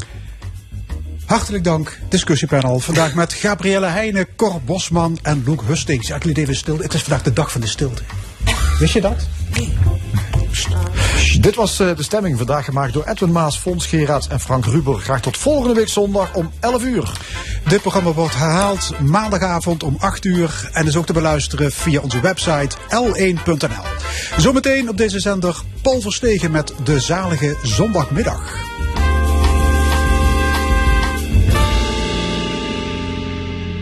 De zalige zondagmiddag hoor je tussen 1 en 4. Met deze zondag... Hij begon in 1980 bij de regionale Omroep Zuid, presenteerde dialectprogramma's en was de eerste presentator van de boetegewoene boetezitting. Hoe is het toch met Lei Meijsen?